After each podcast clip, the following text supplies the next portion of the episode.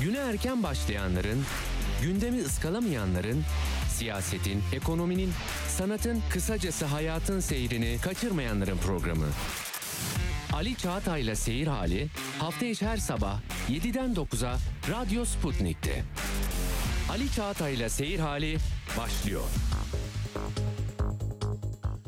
Radyo Sputnik'te seyir halindesiniz. İstanbul 97.8, Ankara 96.2, İzmir 91.0, Bursa 101.4, Kocaeli 90.2 frekansından bizi dinleyebilirsiniz.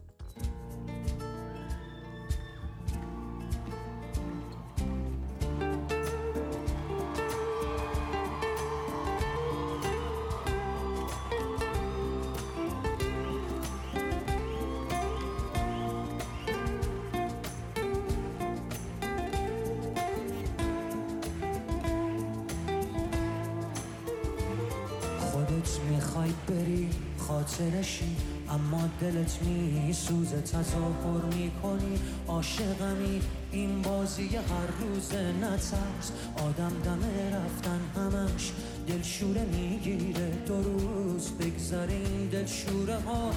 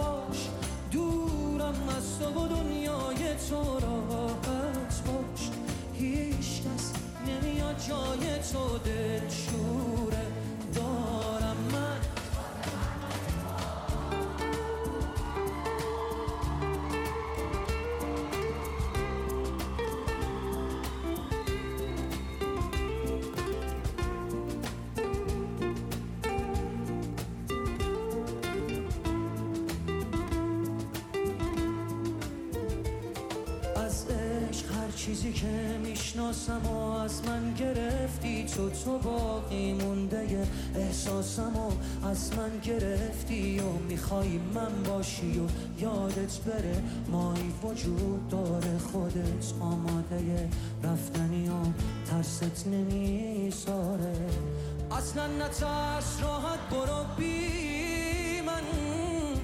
هیچکی به جز تو منو یادش نیست. فکر کردی کی از من خبر داره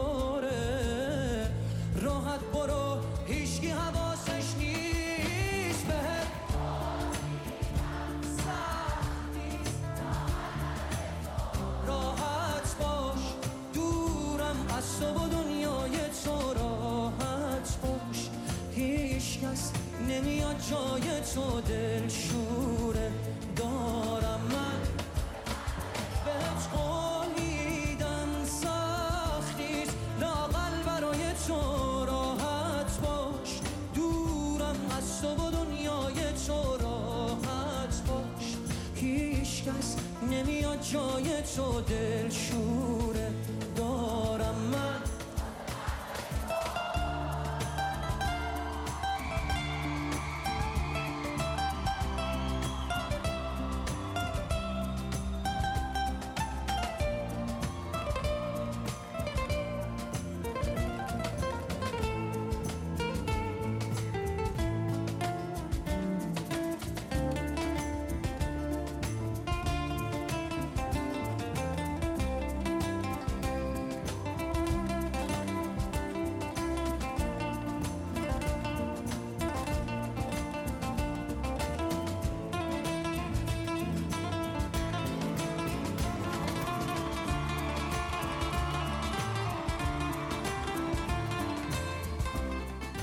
Size bugün Mohsen Yeganeh'ten parçalar seçtik. Kendisi İranlı, İran yönetimiyle uzlaşı içinde kalarak sanatını icra etmeye çalışan bir yetenek. Genç bir sanatçı, 37 yaşında henüz. İran'ın Gülistan kenti doğumlu.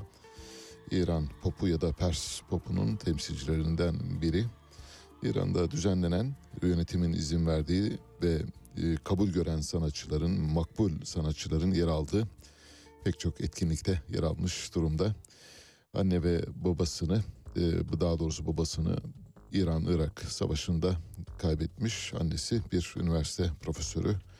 Şu anda İran'da çok dinlenen sanatçılardan bir tanesi. Biraz önce dinlediğiniz parça Behet Gol Midan.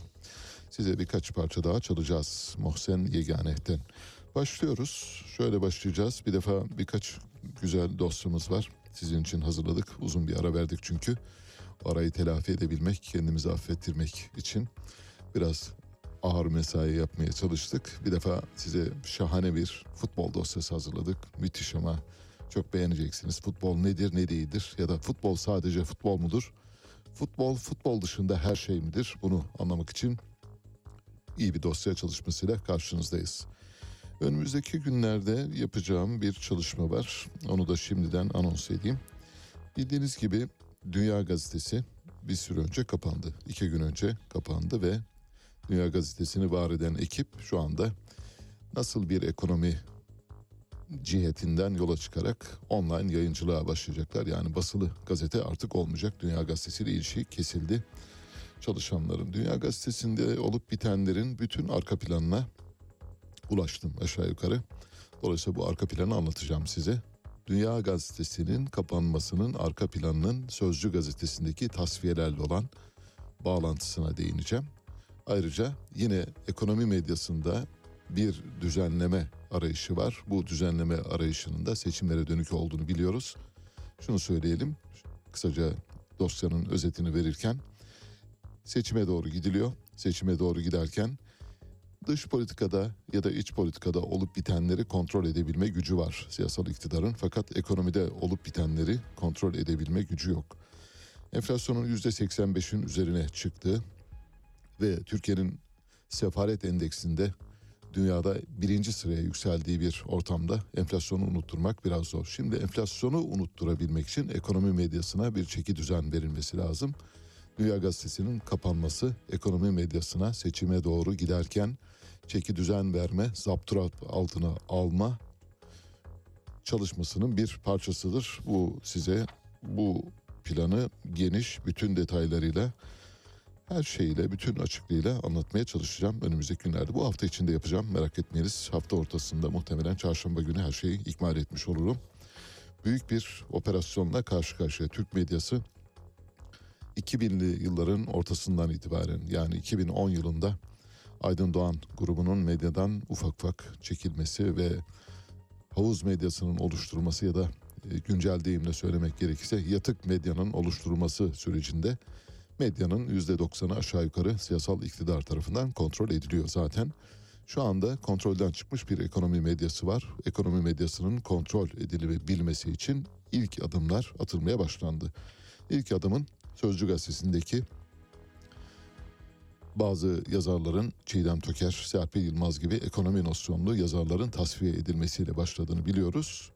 Sözcü Gazetesi'nde geri kalan ekibin tamamen iktidar doğrultusunda yayınlar yapabileceğine ikna olunmuş durumda. Yani içeri temizlendi. Orada bir dikensiz gül bahçesi yaratıldı. Şimdi Dünya Gazetesi de mevcut gazeteyi yaratan, patronsuz gazeteyi yaratan ekibin elinden alınarak tekrar gazeteci Nezih Demirkent'in kızı Didem Demirkent'in eline teslim edildi.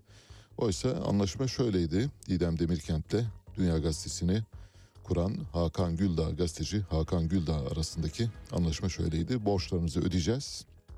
Karşında da belli bir sürenin sonunda gazetenin haklarını bize teslim edeceksiniz denilmişti. Şu anda Dünya Gazetesi'nin Didem Demirkent'ten, Demirkent ailesinden kalan borçlarının önemli ölçüde bu ekip tarafından ödendiğini, tasfiye edildiğini biliyoruz. Dolayısıyla orada bir dikensiz gül bahçesi yaratıldı. Şimdi bu dikensiz gül bahçesi seçime doğru bir manivela, bir kaldıraç olarak kullanılacak, bir sapan taşı olarak kullanılacak.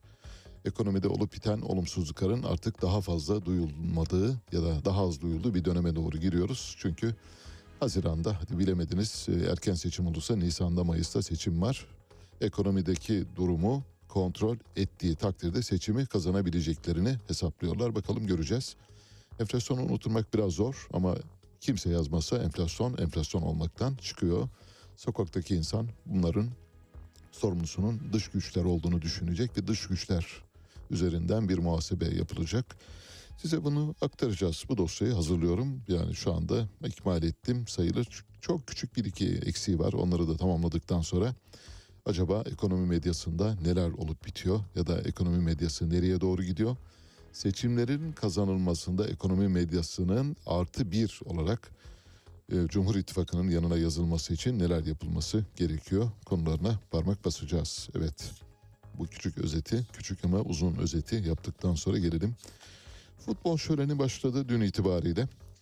Dünya bir ay boyunca olağanüstü bir şölene tanıklık edecek. Futbol şöleni herkesin iyi ya da kötü futbolla ilgisi vardır diye düşünüyoruz. Futbolu tabii fanatiklik derecesine değil ama bir görsel e, karşılaşma, bir rekabet oyunu olarak görenler bakımından bence seyirlik bir oyun olduğu için Roma'dan bu yana, gladyatörlerden bu yana gelen belki de insanların en fazla ilgi gösterdiği oyunlardan bir tanesi. Kupa dün açılış maçıyla başladı. Açılış maçında Ekvador ev sahibi Katar'ı yendi 2-0. Üstelik de golleri atan bir tanıdık isim Valencia. Fenerbahçe'nin büyük oyuncusu Valencia Ekvadorlu iki gol attı. Birini penaltıdan birini de müthiş bir kafa golüydü. Yani olağanüstü böyle milimetrik ayarlanmış bir kafa golü, golüyle attı. Bir golünü de saymadılar bu arada. O golün sayılmamasıyla birlikte acaba takım Ekvador karşısında galip gelebilecek mi? Hakemler buna mı oynuyor dedik ama hakemler sonradan düzelttiler ve iyi bir yönetim sergilediler.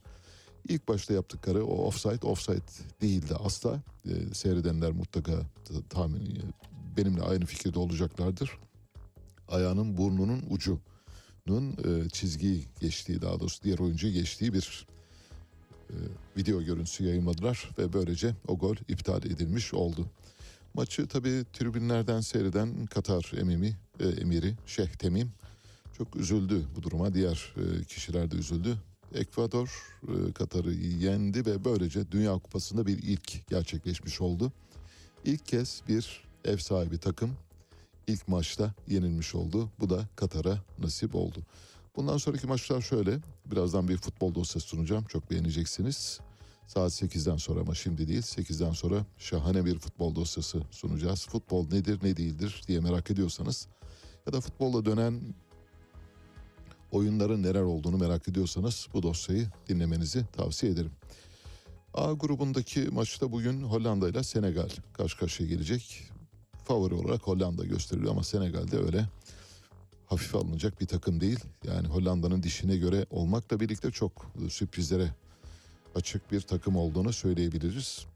32 takımın katıldığı bir turnuva biliyorsunuz. 4 grup halinde oynanıyor. Her grupta 8 takım takım var ve 18 Aralık'ta final maçıyla bitecek. Böylece e, Katar'da e, başkent 5 kentte 8 stadın yapımına sahne olan Katar'da futbolu futbolun heyecanını hep birlikte yaşayacağız. 2022 Dünya Kupası şimdiye kadarki bu arada en pahalı kupa. Katar yönetimi son 10 yılda kupanın hazırlığı dönemi içinde 300 milyar dolar hazırladı. Sayısız yollar, köprüler, statlar ve metro istasyonları yaparak ülkeyi ve otellerle donatarak ülkeyi bugüne hazırladı. Büyük bir para harcadı. Bugüne kadar ki tüm 1905'ten bu yana yapılan Dünya Futbol Şampiyonaları içindeki en pahalı turnuvadan bahsediyoruz. 300 milyar dolar. Şu ana kadar bu rakamı geçebilen yok. Başkent Doha, Orta Doğu'da düzenlenen Dünya Kupası süresince 1 milyondan fazla futbol severi ağırlamaya başlayacak ya da ağırlayacak. İnşa edilen stadyumlar ve oteller büyük bir hücuma uğramış durumda. Otellerde yer bulunmuyor. Diğer kentlere ya da diğer komşu ülkelere giderek orada kalıp oradan günübirlik maçlar için gidip gelecekler var. Yani Kuveyt'e, Katar'a, Bahreyn'e gidip oralardan maçları izlemek üzere gelecekler var. Şu anda hınca hınç dolu. Her yer statlarda dolu, otellerde dolu. 7 futbol stadyumu yaptı Katar yönetimi. Metro bağlantısı kurdu ayrıca statla ilgili her stad için bir havaalanı yaptı. Hastaneler yaptı, oteller, alışveriş merkezleri inşa etti. Ve toplamda tam rakamı söylüyorum 229 milyar dolar para harcadı. Turnuvanın bir önceki ev sahipliğini yapan Rusya sadece 11 milyar dolar harcamıştı. 11 milyar dolar ile 229 milyar doları şöyle bir kafadan kıyaslayın. Bir Dünya Kupası bu kadar paraya mal olur mu diye düşünüyorsanız evet oluyor. Burada da John Perkins'in ekonomik tetikçilik ile ilgili itiraflarını lütfen hatırlayınız. Bu da bir ekonomik tetikçilik yöntemi. Bu yolla ülkeye para harcattılar. Katar'ın fazla parası vardı. O fazla parasının 300 milyar dolarını 10 yılda, 12 yılda çektiler, sömürdüler ve şu anda son yudumlarına kadar içiyorlar. Öyle gidiyor. Döneceğiz tekrar futbol bahsine ama burada sadece günün açılış maçını verdik ve bir ilkin gerçekleştiğini de söyledik. İlk kez Dünya Kupaları tarihinde bir ev sahibi takım ilk maçta yenilmiş oldu. Bugün bir telefon bağlantımız olacak. Cuma günü konuşmuştuk ve ulaşamamıştık daha doğrusu geçen hafta. Bildiğiniz gibi Enerji ve Tabii Kaynaklar Bakanı Fatih Dönmez İstanbul'da elektriği kesik sadece 4 aile var demişti. Diğer illerin sayıları da vardı. Diğer illerin sayıları normal onlarla ilgili herhangi bir itirazımız yok. Ancak 4 ailenin elektriğinin kesik olması kocaman bir yalan olabilir ve biz bu kocaman yalanın peşine düştük. Bugün Türk Mimar ve Mühendis Odaları Birliği Elektrik Mühendisleri Odası Yönetim Kurulu Başkanı Mahir Ulutaş'la konuşacağız. Gerçekten kaç hanenin elektriği kesik diye soracağız. Bu arada Enerji ve Tabii Kaynaklar Bakanı ufaktan çark etti o günkü açıklamasından sonra. Dün şöyle bir açıklama yaptı. Bu yılın ilk ayın 7 ayında borcu nedeniyle elektriği kesilen abone sayısı 236 bindir dedi. Toplam abone sayısını verdi. Ancak İstanbul'da kaç kişinin elektriğinin kesik olduğu bilgisini paylaşmadı. Yeniden paylaşmadı. 4 kişi olamaz. Mümkün değil. Her şeye aykırı. Elbette bu konuda elimizde bir veri yok. Bildiğiniz gibi veriyi ancak paylaşırlarsa yani Türkiye Elektrik Kurumu paylaştığı takdirde Elektrik İdaresi Enerji Bakanlığı paylaştığı takdirde bilebilecek durumdayız. Aksi halde bilmiyoruz. Ancak bir tahmin yöntemiyle Mahir Ulutaş'la konuşacağız. Olsa olsa yaklaşımıyla şu kadardır diye bir saptama yapmaya çalışacağız. Kendisiyle saat 9'a çeyrek kala bir telefon bağlantımız olacak. Türk Silahlı Kuvvetleri Kobani'ye Kobani bildiğiniz gibi Şanlıurfa'nın Suruç ilçesinin güneyinde yer alan hemen sınır komşumuz. Yani Suruç'tan atladığınız zaman Kobani'ye geliyorsunuz. Kobani buradaki Kürt kantonunun başkenti. Ne zamandan beri 2012'den bu yana Kürt kantonunun başkenti olarak biliniyor. Kobani üzerine epey bir geçmişte yaşanmışlığımız var. Birkaç ses kaydı dinleteceğiz bu arada. Ses kayıtlarının ilkinde Cumhurbaşkanı Erdoğan 2014 yılında Kobani düştü düşüyor diyerek böyle hafif bir sevinç narası atmıştı. Neden? Çünkü Kobani IŞİD tarafından ele geçirilmişti. IŞİD'in ele geçirmesinin PKK, PYD ya da YPG tarafından ele geçirilmesinden daha iyi olduğunu anlatan, ehveni şer olduğunu anlatan bir ifadeydi. Bunu, bu ses kaydını duyuracağız size, hatırlatacağız. Arkasından da Selahattin Demirtaş'ın Cumhurbaşkanı Erdoğan'ın Kobani düştü düşüyor sözünün ne anlama geldiğini ifade ettiği ve artık e, Selahattin Demirtaş için idam fermanının imzalandığı konuşmadır aslında o. Bakmayın siz seni başkan yaptırmayacağız hikayesi. Aslında hikaye biraz bunun üzerine kurulu olduğu için Selahattin Demirtaş şu anda içeride. Ve son bir ses kaydımız olacak birbiriyle bağlantılı.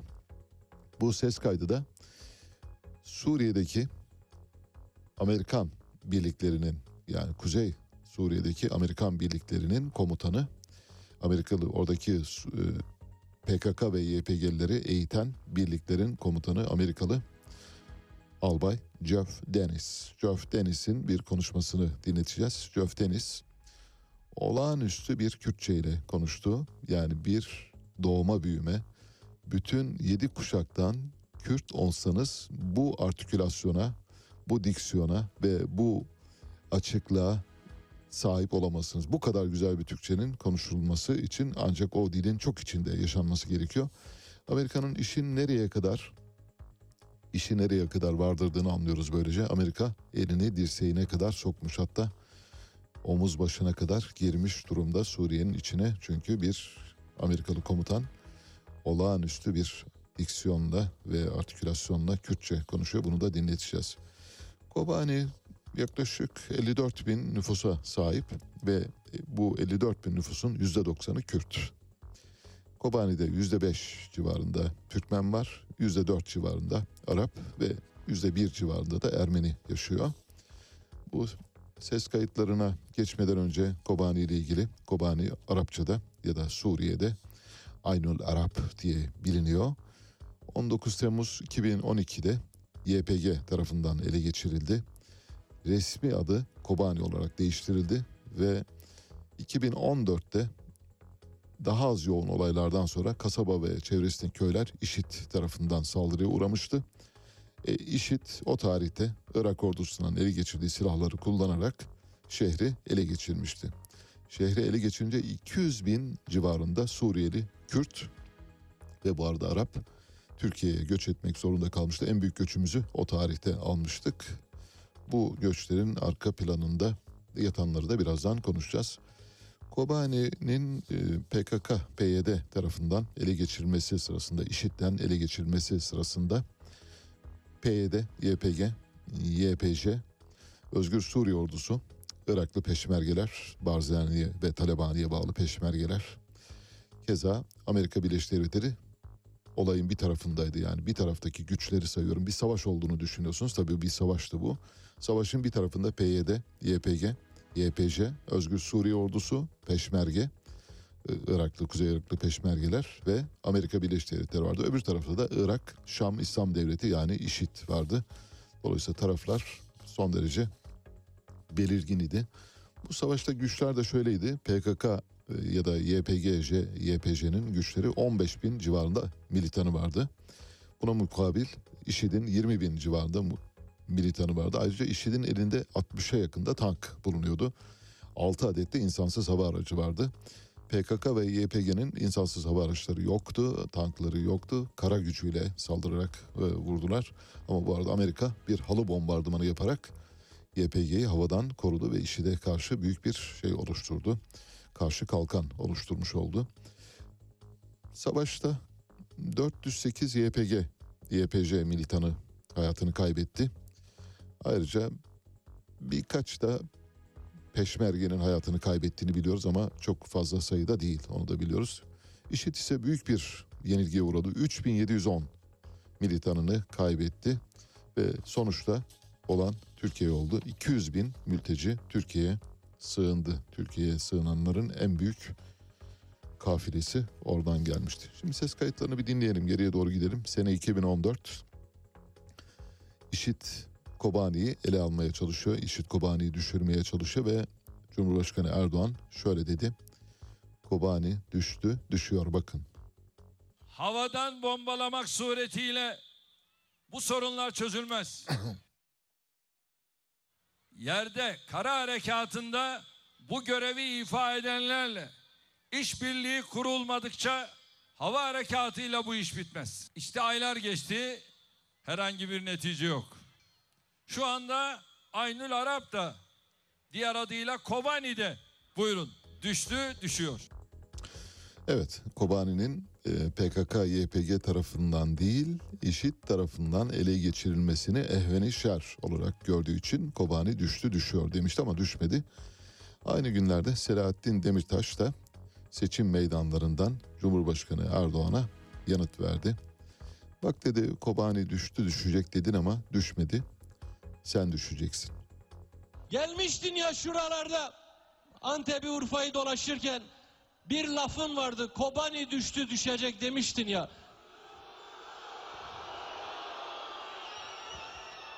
Bak Adıyaman'dan sesleniyorum.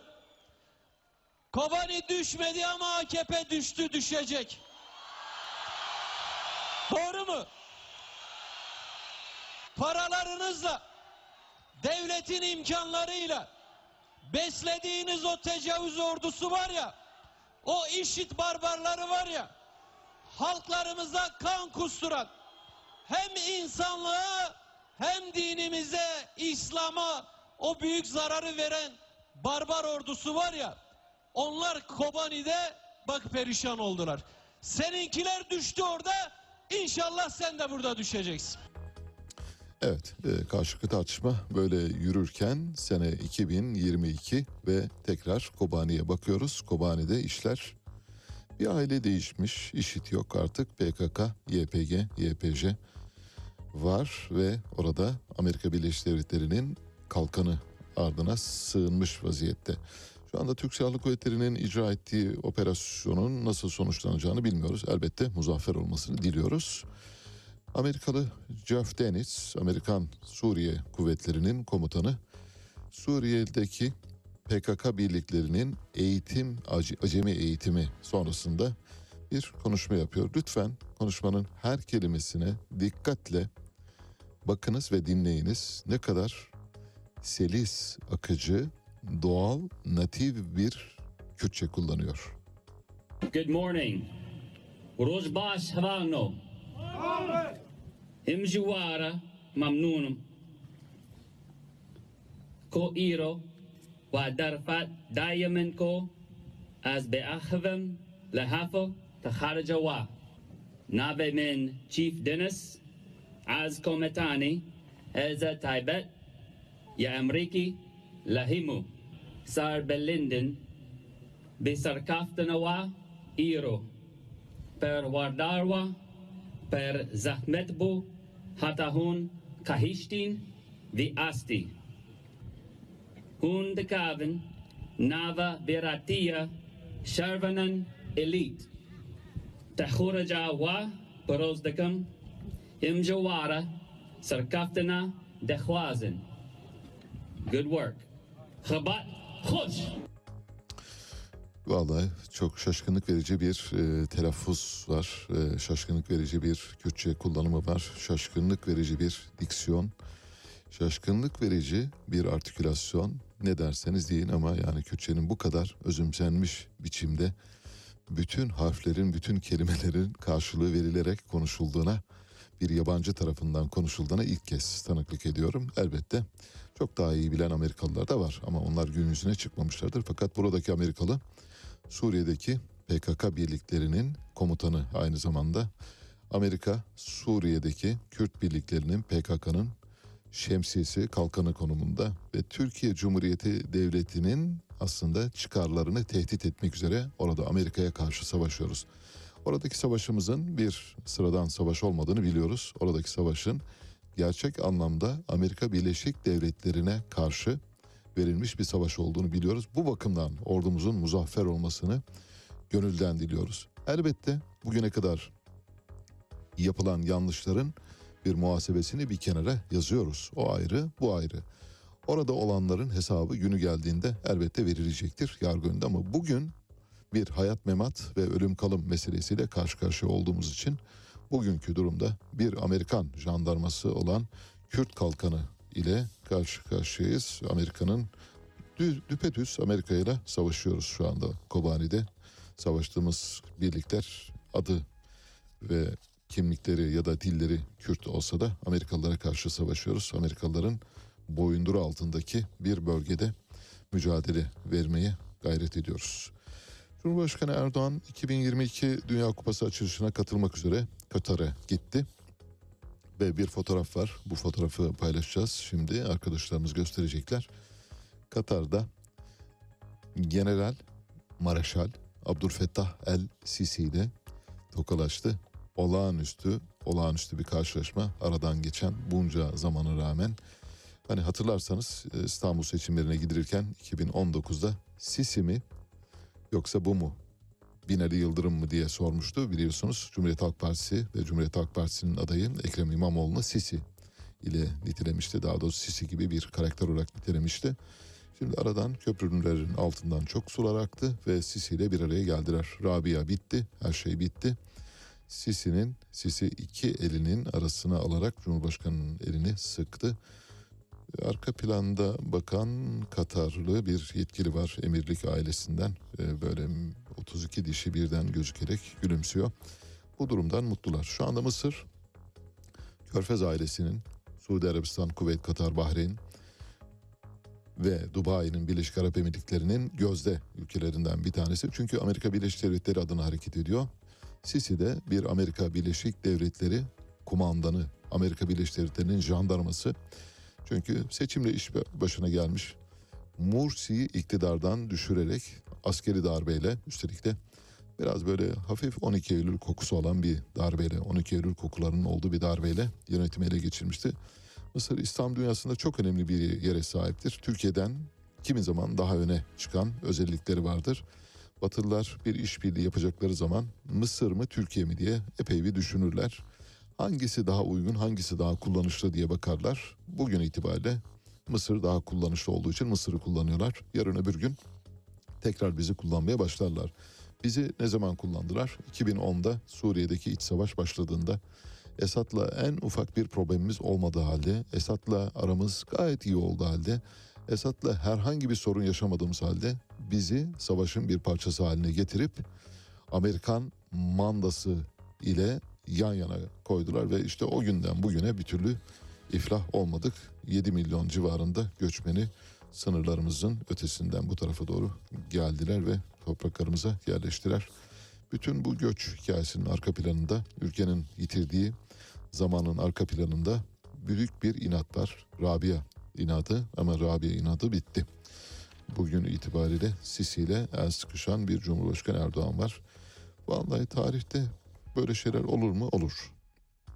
Böyle şeyler olduğu zaman üzülmek mi lazım? Bilmiyoruz.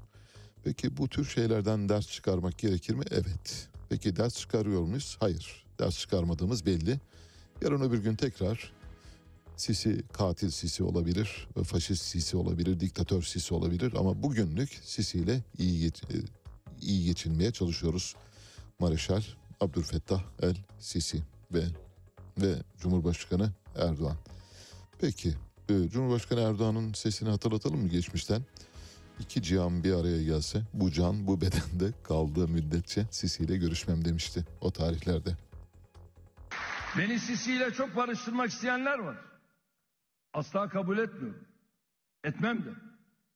Neden? İşte bunlardan dolayı. Neden? Halkının yüzde 52 oyunu almış olan bir mürsiyi ve arkadaşlarını cezaevine mahkum eden bir antidemokratla karşı karşıya gelmem. Onunla aynı masada oturmam. Evet ne demişler? Büyük lokmayı büyük söz etme demişler. İçişleri Bakanı Süleyman Soylu Manisa Turgutlu'da yolsuzluk ve usulsüzlük iddiaları sebebiyle hakkında soruşturma başlatılan Turgutlu Sosyal Yardımlaşma ve Dayanışma Vakfı Müdürü Turan Şen görevden alındı. İçişleri Bakanı Süleyman Soylu ile bir fotoğrafı var şu anda yan yana arkadaşlarımız verirse göreceksiniz. Eski Emniyet İstihbarat Daire Başkanı Sabri Uzun şöyle bir iddiada bulundu. Bu iddiayı paylaşacağız. Tabii kanıtlanmış bir iddia değil. İddia diyoruz zaten. Ama hiç hafife alınmayacak bir şeyden bahsediyor. Şöyle dedi Sabri Uzun. Sabri Uzun'un bildiğiniz gibi bir süre önce rütbeleri söküldü. Sıradan polis hüviyetine indirgendi. Yaptığı açıklamalar nedeniyle o da şimdi açıklamalarını sürdürüyor. Şöyle diyor. Bir çete lideri Bakırköy İlçe Emniyet Müdürü'ne gidip raporunu geri çek, çekmezsen Süleyman'la konuşup seni görevden aldıracağım diye tehdit etti. Ve bu ilçe emniyet müdürü 10-15 gün sonra görevden alındı diyor. Burada tabii karanlıkta kalan bir nokta var onu da biz aydınlatalım. Bu sözüne ettiği çete lideri Sarallar. Sarallar çetesinden biri Bakırköy Emniyet Müdürü'ne gidiyor. Bu soruşturmayı, bu raporu geri çek. Çekmezsen Süleyman'la konuşurum, seni görevden aldırırım diyor. Süleyman diyor İçişleri Bakanı'yla bir mafya lideri İçişleri Bakanı'ndan ön adıyla bahsediyor. Süleyman diyor. Ve nitekim 10-15 gün sonra da gerçekten Bakırköy Emniyet Müdürü görevden alınmış oldu. Bu arada Süleyman Soylu ile Cumhurbaşkanı Erdoğan arasında böyle çok tatlı olmayan ama iki arada bir derede e, mecburuz, birlikte yaşamak zorundayız diye giden bir ilişki olduğunu biliyoruz. Cumhurbaşkanı Erdoğan'ın tercihi değil Süleyman Soylu ancak Devlet Bahçeli Süleyman Soylu'nun arkasında durduğu için Süleyman Soylu o koltukta oturabiliyor. Fakat Süleyman Soylu'nun yavaş yavaş kredisini tamamen tüketmeye başladığını görüyoruz. Bu tür fotoğraflar ve bu tür hele hele geçtiğimiz günlerde İstanbul Emniyet Müdürü Zafer Aktaş'ın dile getirdiği daha doğrusu o da bir kulis haberiydi doğrulanmadı ancak yalanlanmadı da yalanlanmadığı için biz doğru kabul ediyoruz. Yalanlandığı gün yalanlandığında bildiririz size. Şöyle demişti Zafer Aktaş bir toplantıda Süleyman Soylu sormuş. Demiş ki bu operasyonları, mafya operasyonlarını bana neden haber vermiyorsunuz? Koskoca 17 milyon nüfuslu bir ülkeden, birçok ülkeden daha büyük nüfusa sahip İstanbul'un, birçok ülkeden daha büyük ekonomiye sahip İstanbul'un emniyet müdürü, ülkenin İçişleri Bakanı'na aynen şöyle demiş. Size haber verdiğimiz zaman sızma oluyor ve o sızmadan da onlar yararlanıyor demişti. İçişleri Bakanı'nı köstebeklikle suçladı. Ortada duruyor. Henüz yalanlanmış değil. Yalanlanıncaya kadar bizim açımızdan bu söz geçerlidir. Bu arada Cumhurbaşkanı Erdoğan'ın gözünden düştüğü belirtiliyor. Süleyman Soylu'nun mesela İstanbul Taksim'deki İstiklal Caddesi'ndeki saldırı olayı günü Süleyman Soylu'yu aramamış Cumhurbaşkanı Erdoğan iddiaya göre. İddianın sahibi de Cumhurbaşkanı Cumhuriyet Halk Partisi Grup Başkan Vekili Engin Özkoç. Engin Özkoç diyor ki o gün Cumhurbaşkanı Süleyman Soylu'yu aramak yerine doğrudan İstanbul Valisi'ni ve Emniyet Müdürünü aradı. İstanbul Valisi'ni aradığını biliyoruz da Emniyet Müdürünü de aradığını tahmin ediyoruz. Ve bu da e, Süleyman Soylu'nun görevden alınabileceği anlamına geliyor diyor. Biz o kadarına ihtimal vermiyoruz. Türkiye İşçi Partili Ahmet Şık da mecliste yaptığı bütçe plan bütçe komisyondaki görüşmeler sırasında reisin senden değil de neden validen bilgi alıyor diye İçişleri Bakanı Süleyman Soylu'ya sorduğunu biliyoruz. Buna da yanıt vermedi. Demek ki Süleyman Soylu ile yönetmiyor İstanbul'u. İstanbul'u İstanbul Emniyet Müdürü ile yönetiyor. Çünkü onun da güveni herhalde kaybolmuş durumda. Bu arada Erzincan'da 25 kilo uyuşturucu bulunan bir aracın içinden AK Partili belediye başkanıyla ilçe başkanının yeğeni ve MHP ilçe başkanının yeğeni çıktı. Araçta 3 kişi vardı. Üçü de gözaltına alındı. 25 kilo uyuşturucu ve uyuşturucu yapımında kullanılan ham maddeden bahsediyoruz. Ülkenin her tarafından pıtrak gibi uyuşturucular çıkıyor. Otomobil almak isteyenlere küçük bir uyarıda bulunalım. Otomobilde matrah değişiyor. Otomobilde matrah bildiğiniz gibi motor hacmine göre belirleniyor. İşte 1500 e, motor hacmine sahip olanlar şu kadar vergi verir. 1600 motor hacmine sahip olanlara bu kadar vergi verilir diye. Bu vergiler düşürülecek. Bu durumda eğer düşürülürse 1 Aralık, Aralık itibariyle şöyle olacak. Mesela %70'lik dilimde olan araçlarda %5.6'lık indirim olacak. %60'lık dilimde 444 bin lira olan araçlarda %11'lik indirim olacak. %50'lik ÖTV diliminde de 415 bin lira o da %17 indirim olacak. Ve çok rakama boğduk ama şöyle söyleyelim. Minimum 5.6 maksimum %17 otomobil fiyatlarında indirim var. Eğer otomobil alacaksanız Aralık ayını bekleyin. Bendenizin paylaştığı bir tweet var. Son tweetim merak edenler bakabilirler. Bildiğiniz gibi Plan Bütçe Komisyonu'ndaki İçişleri Bakanlığı bütçesi görüşülürken Süleyman Soylu muhalefet milletvekillerine başta HDP'liler olmak üzere epey bir çıkıştı. Özellikle HDP'lilere çıkışıyor. CHP'lilere çok fazla diş geçiremiyor. İyi Partililer çok suskun. Bütçe görüşmeleri sırasında bu da çok manidar. Onu da ayrıca bir kenara yazmak lazım. Mesela bütçe görüşmelerinde Cumhuriyet Halk Partilerinin sesi çıkıyor. HDP'lilerin doğal olarak sesi çıkıyor. İyi Partilerin sesi çıkmıyor. Oysa bir ittifak olduğunu biliyoruz değil mi? Millet İttifakı anca beraber kanca beraber hani maza, pazara kadar değil mezara kadar gibi böyle klişeler vardı ya bu klişelerin işlemesi lazım işlemiyor. İyi Partiler böyle ufaktan seyirci durumunda bu seyirci durumunda olmanın altında ne yattığını bilmiyoruz. Böylesine hani işte Meral Akşener AK Parti ile birlikte hareket edecek gibi şeylere inanmıyoruz. Onu geçiyoruz ama ama bir şey var, bir pazarlık var. Bu pazarlık dolayısıyla iyi Partililer biraz bütçe görüşmelerinde low profile gidiyorlar. Çok düşük profil sergiliyorlar. İsmail Çataklı İçişleri Bakan Yardımcısı. Yine bir başka İçişleri Bakan Yardımcısı da sağında oturuyordu. Hemen solunda da Gürcistan'da bulunan, kaçak olarak bulunan Galip Öztürk, mafya lideri Galip Öztürk'ün yakın arkadaşı Arif Çetin var, jandarma genel komutanı. İçişleri Bakanı Süleyman Soylu HDP'li bir milletvekiline ağza alınmayacak şekilde yüksek sesle ve yüksek tondan bağırıp çağırırken İsmail Çataklı bakan yardımcısı böyle önünde simit ve peynir simide yani simidi peynire mi sürüyor, peyniri simide mi sürüyor onu bilmiyorum. Hani hangisini hangisine banıyor ondan e, emin olamadım. Baktım epeyce. Ama sanıyorum böyle bir bulama yapıyor. Yani hani simidin o- simidin böyle ortasından peynirin ortasına doğru bir dalıyor böyle bir dalış yapıyor. Bir şamandıra indiriyor. Bakan öfke nöbeti geçirirken yanındaki, arkasındaki, sağındaki, solundaki bütün zevat yiyip içiyordu. Hiç umurunda değilmiş gibi. Dehşet verici bir tabloydu. Ben bunu hakikaten anlamakta çok zorlandım.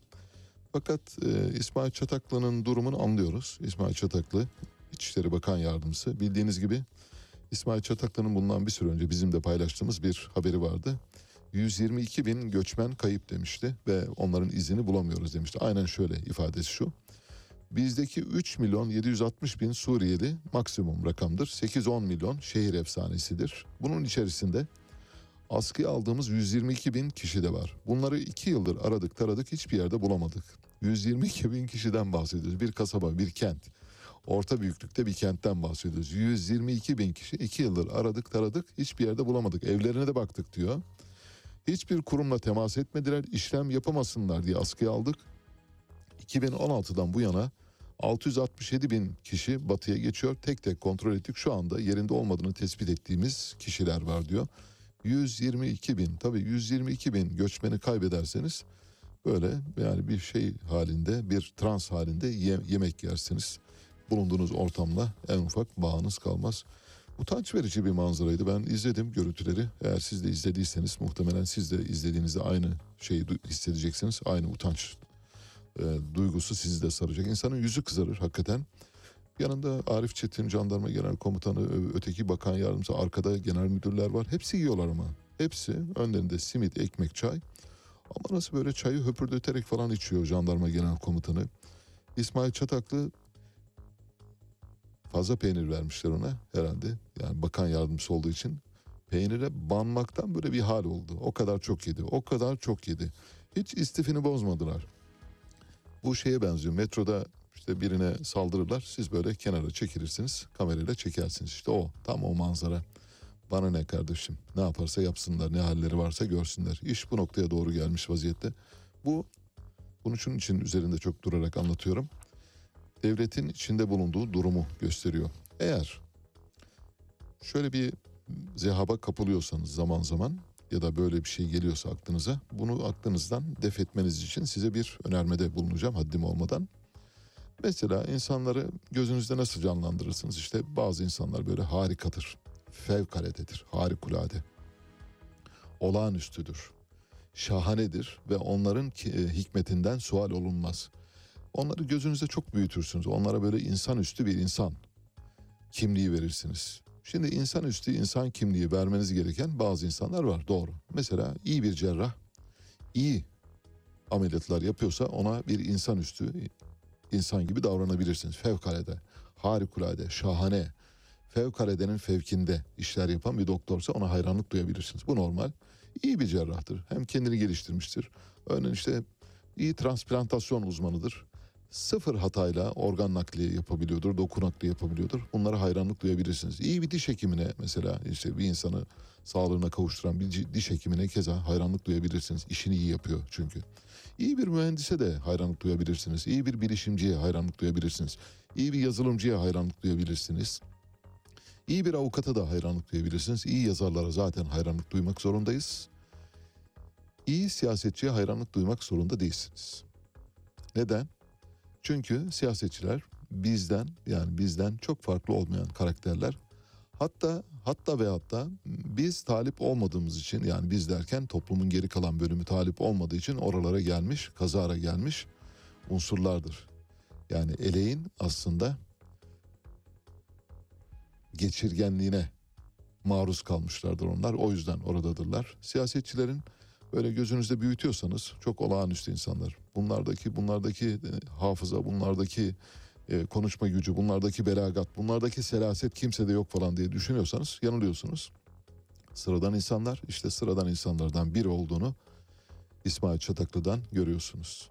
Böyle bir durumda insan yani en azından döner değil mi? Sessiz kalır, ağzını kapatır.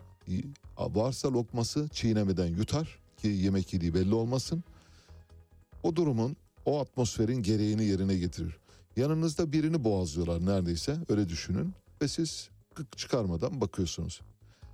Ya da görüntü kaydediyorsunuz. Tam iş o oraya doğru dönmüş durumda. Bu yüzden siyasette olağanüstü insanlar, dahiler yoktur.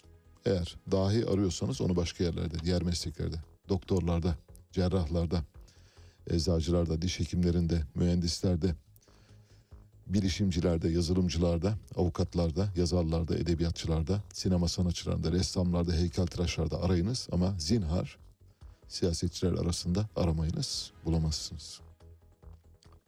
Tokat'ta Medikal Park Hastanesi'nde bir erkek bir kadın hemşire felç geçirmiş ve bilinci yarı yerinde olan bir hastayı adeta boğmak üzereyken çekilmiş görüntüleri yayımlandı. Tokal, Tokat Medikal Park Hastanesi'ne bir tür işkence ve hastayı e, başını kapatarak, ağzını kapatarak, yorganla üzerindeki e, çarşafla ağzını kapatarak boğmaya çalıştıkları görüntülendi.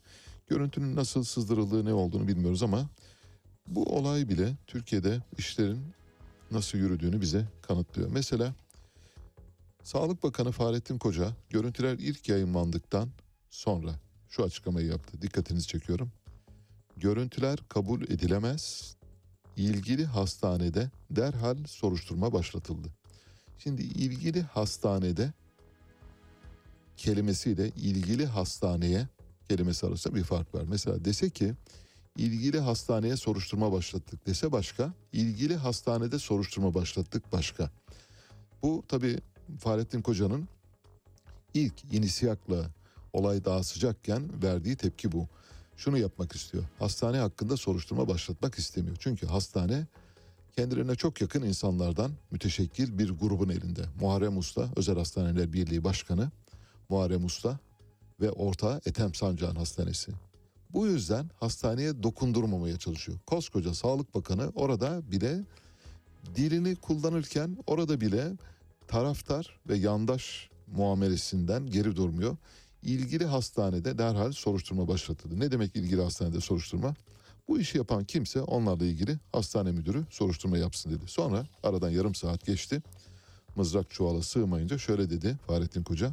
Yarım saat sonra yoğun bakım servisinde bir hastanın çalışanlarca maruz kaldığı şiddet, kötü muamele görüntüleri kamuoyuna dün yansıyan özel hastanenin faaliyeti bakanlığımızca acilen başlatılan soruşturma gereği durdurulmuştur. Sağlıkta hiç kimsenin güven sarsıcı fiiline toleransımız yoktur. Neymiş? Yarım saat önce hastanede soruşturma başlatıldı deniyor. Hastaneye başlatmadık. Yarım saat sonra bakıyor ki olmuyor. Hayır bu iş çok büyüyecek. Hastaneye soruşturma başlattık diyor. Arkasından da hastane ne yapıldı? Kapatıldı. Geçici olarak kapatıldı. Daha önce İş Bankası'nın iştiraki olan Bayındır Hastanesi ile ilgili de böyle şeyler olmuş hatırlarsın. Orada şak diye hastaneyi kapattılar. Hiç üzerinde durmaya bile gerek duymadılar. Pat diye kapattılar. Çünkü bu hastane başka Medikal Park AK Parti'ye yakın. Muharrem Usta'nın yönetim kurulu başkanlığını yaptı. Şu anda Türkiye'de 19 hastanesi var.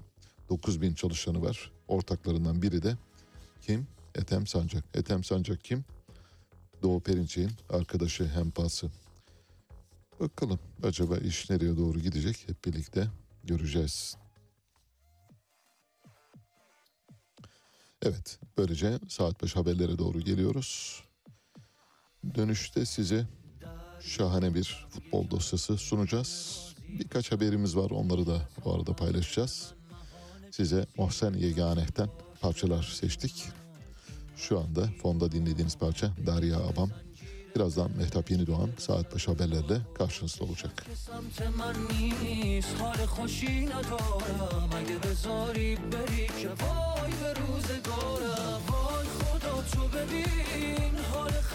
چشاش منو می‌کشه می‌بره انگار سراب چشاش کم نگاه می‌کنه اما کمشم خوبه تو چشاش غم هستم ما غمشم خوبه وای خدا تو ببین خراب چشاش میشه گمراهم کنه انگار سراب چشاش.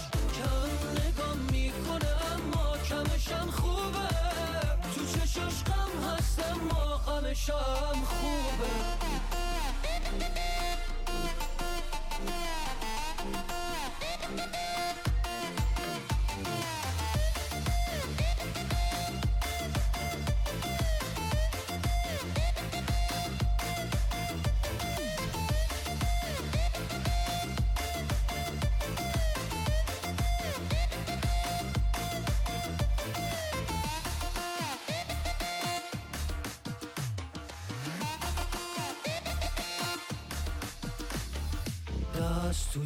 دستم بذار چش ازم بر ندار. باش تو دنیای من بمون خوب و بدش پای من. صاف ساده مهربون. آره اینجوری با من بمون. رد نشو آسون ازم. نرو رو بر نگردون. ازم آخه چشات که سمت من نیست. حال خوشی ندارم. اگه بذاری بری که وای به روزگارم.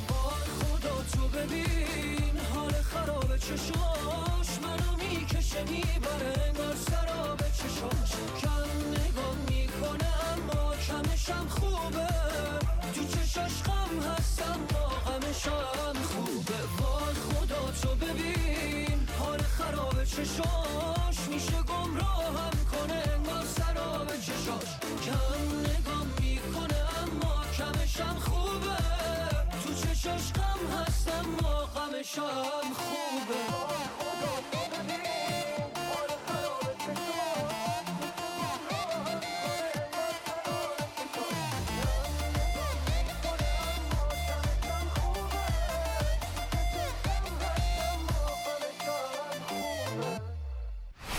Güne erken başlayanların, gündemi ıskalamayanların, siyasetin, ekonominin, sanatın, kısacası hayatın seyrini kaçırmayanların programı. Ali Çağatay'la Seyir Hali hafta içi her sabah 7'den 9'a Radyo Sputnik'te. Radyo Sputnik WhatsApp hattı sizden haber, bilgi ve yorum bekliyor. Sesinizi kaydedin, WhatsApp'tan 0505 171 66 56'ya gönderin, yayınlansın.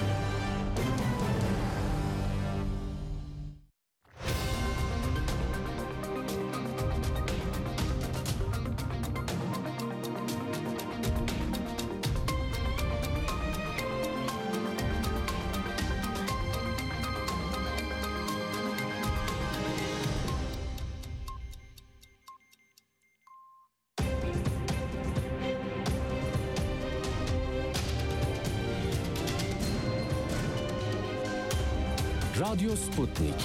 Anlatılmayanları anlatıyoruz. Saat 8 İstanbul stüdyolarından gündemden gelişmeleri aktarıyoruz. Ben Mehtap Yeni Doğan. Önce özetler. Pençe Kılıç Hava Harekatı'nın detayları ortaya çıktı. Cumhurbaşkanı Erdoğan Mısır Cumhurbaşkanı Sisi ile görüştü. Saadet Partisi lideri duyurdu. Altılı Masa'nın Cumhurbaşkanı adayı seçim tarihi belli olduktan sonra açıklanacak. Ayrıntılar birazdan.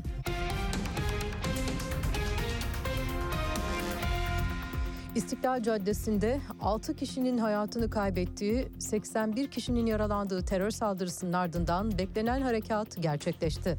Cumhurbaşkanı Recep Tayyip Erdoğan talimat verdi. Suriye ve Irak'ın kuzeyine Pençe Kılıç Hava Harekatı düzenlendi. Harekatı Hava Kuvvetleri Harekat Merkezi'nden Milli Savunma Bakanı Hulusi Akar sevk idare etti. Önceki gece gerçekleşen harekatta 89 terör hedefi imha edildi. Pençe Kılıç Harekatı'nın detayları da ortaya çıktı. Harekatta 6 farklı üstten kalkan muharip ve destek uçaklarının yanı sıra insansız hava araçları ve silahlı insansız hava araçları ile birlikte 70'e yakın hava aracı görev aldı.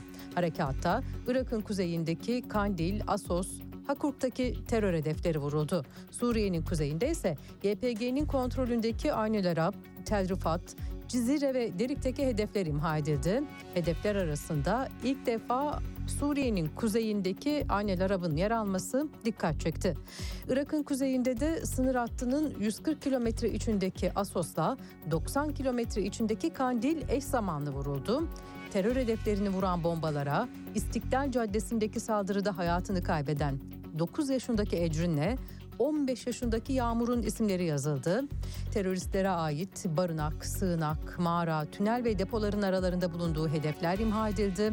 Aralarında terör örgütünün sözde yöneticilerinin de bulunduğu çok sayıda terörist etkisiz hale getirildi. Pençe Kılıç Harekatı sonrasında kilise ve Gaziantep'e roketli saldırı düzenlendi. Yaralılar var. Kiliste Öncü Pınar sınır kapısında konuştu. Polis özel harekat yerleşkesine Suriye'nin kuzeyindeki Tel Rifat bölgesinden roket atıldı. Saldırıda 7'si polis, 8 güvenlik görevlisi yaralandı. Ardından akşam saatlerinde YPG PKK tarafından Suriye'nin kuzeyinden Gaziantep'in Karkamış ilçesine 4 roket atıldı. Roketler boş alana isabet etti. Gaziantep valisi Davut Gül saldırının herhangi bir zayiata sebep olmadığını söyledi. Saldırılara misliyle karşılık verildi. E, bir diplomasi haberi Katar'ın ev sahipliği yaptığı FIFA Dünya Kupası'nda maçlar başladı. Açılış maçında Ekvador Katar'ı 2-0 yendi. Cumhurbaşkanı Recep Tayyip Erdoğan da Katar emiri Şeyh Temim bin Hamed El Sani'nin davetiyle Dünya Kupası'nın açılışına katıldı. Erdoğan'ın Doha ziyaretinde dikkat çeken bir gelişme yaşandı. Erdoğan, El Sani'nin liderlere verdiği resepsiyonda Mısır Cumhurbaşkanı Abdülfettah Es-Sisi ile görüştü. Erdoğan Sisi ile el sıkıştı. Bu tokalaşma iki ülke arasında 9 yıl sonra en üst düzey görüşme oldu. İç siyaset gündemiyle devam edelim. MHP Genel Başkanı Devlet Bahçeli 2023'e doğru aday belli karar net mitinglerine Samsun'la devam etti. Bahçeli'nin hedefinde altılı masa vardı. Bahçeli İyi Parti Genel Başkanı Meral Akşener'in Cumhurbaşkanı Recep Tayyip Erdoğan'a verdiği cevabı eleştirdi. Cumhur İttifakı'na kumar masası diyenlerin aklına ve ahlakına şaşarım. Çünkü asıl kumar masası, asıl ihanet masası bellidir. Türkiye Cumhuriyeti masada kurulmadı.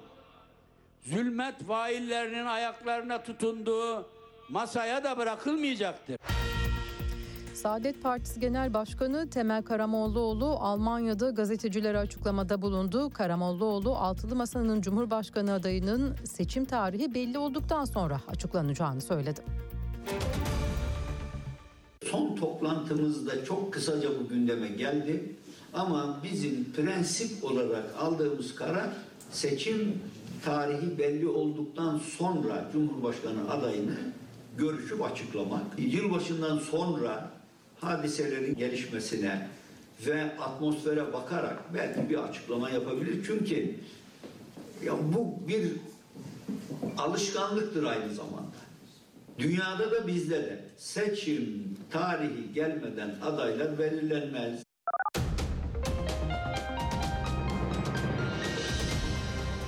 Haberleri sunduk. Gelişmelerle tekrar birlikte olacağız. Hoşçakalın. Radyo Sputnik 5 merkezden karasal yayında. İstanbul 97.8, Ankara 96.2, İzmir 91, Bursa 101.4, Kocaeli 90.2.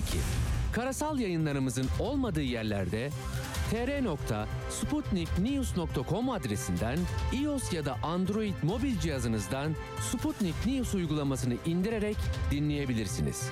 Radyo Sputnik. Anlatılmayanları anlatıyoruz. Son dakika haberleri, canlı yayınlar, multimedya ve daha fazlası Sputnik Haber Ajansı'nın web sitesinde. Dünyanın küçük bir parçasını değil, tamamını anlamak istiyorsanız sputniknews.com.tr'yi tıklayın, habersiz kalmayın. Radyo Sputnik artık dünyanın en çok kullanılan sosyal ağlarından biri olan Telegram'da. Hala kullanmıyorsanız önce Telegram uygulamasını mobil cihazınıza yükleyin. Ardından Radyo Sputnik'in Telegram kanalına katılın. Canlı yayınlarımızı ve programlarımızı kaçırmayın. Anlatılmayanları anlatıyoruz. Artık siz de haberin öznesisiniz. Tanık olduklarınızı, yaşadığınız sorunları bildirin, sesinizi kaydedin, gönderin. Telegram, Twitter, Facebook, Instagram ve şimdi de WhatsApp'tayız. Kaydettiğiniz sesi WhatsApp'tan 0505 171 6656'ya gönderin, yayınlansın. Radyo Sputnik. çok sesli haber radyosu. Güne erken başlayanların, gündemi ıskalamayanların, siyasetin, ekonominin, sanatın, kısacası hayatın seyrini kaçırmayanların programı. Ali Çağatay'la Seyir Hali hafta içi her sabah 7'den 9'a Radyo Sputnik'te. Evet, yeniden birlikteyiz. Bildiğiniz gibi artık Türkiye'de fiyatları kontrol etmek çok mümkün değil. Et fiyatları artıyor. Şimdi et fiyatlarıyla süt fiyatları yarışıyor. Süt ve peynir fiyatları. Türkiye'de ilk kez peynir fiyatları et fiyatlarını geçti. Neden? Çünkü süt fiyatları o kadar arttı ki maliyet çok yükseldi. Türkiye son 3 yılda 1 milyon 700 bin sütlük hayvanını kesti ve sütten yoksun kalmaya başladı. Sütlük hayvanını kesip yani ye- yem bulamadığı için mecburen onları mezbahaya gönderdi ve et olarak tüketmeye karar verdi. Böylece Türkiye süt verimi azalan bir ülkeye dönüştü. Süt verimi azalınca da peynir fiyatları et fiyatlarını geçti. Bu dünyada çok fazla görülen bir şey değil. Doğu Perinçek Vatan Partisi Genel Başkanı Cumhurbaşkanı adayı olduğunu açıkladı. Kendisi daha önce de Cumhurbaşkanı adayı olmuştu. Yine adaylığını açıklayarak aslında sürpriz yapmadı ama bu defa çok beklenmiyordu. Çünkü Cumhur İttifakı'nın bir parçası olarak hareket edecek. Sanıyorum daha çok orada bir oy konsolidasyonuna yol açması için gerçek gücünü göstermesi bakımından böyle bir deneyime girişecek. Bildiğiniz gibi Doğu Perinçek'in Vatan Partisi en son seçimlerde Cumhurbaşkanlığı seçimlerinde binde 22 oy almıştı. Ve kendisi 100 bin imza toplanarak halktan 100 bin imza toplanarak aday olmuştu. 100 bin imzayı topladık biz topladık ama kendisi sandıktan 100 bin oyu çıkaramadı. 98 bin oyda kaldı. Ona ilişkin küçük bir anekdotum var bizatihi bana ait. Bu oluşum bir önceki seçimde Cumhurbaşkanı adayı olunca Doğu Perinçek şöyle demiştim ben bir tweet atmıştım.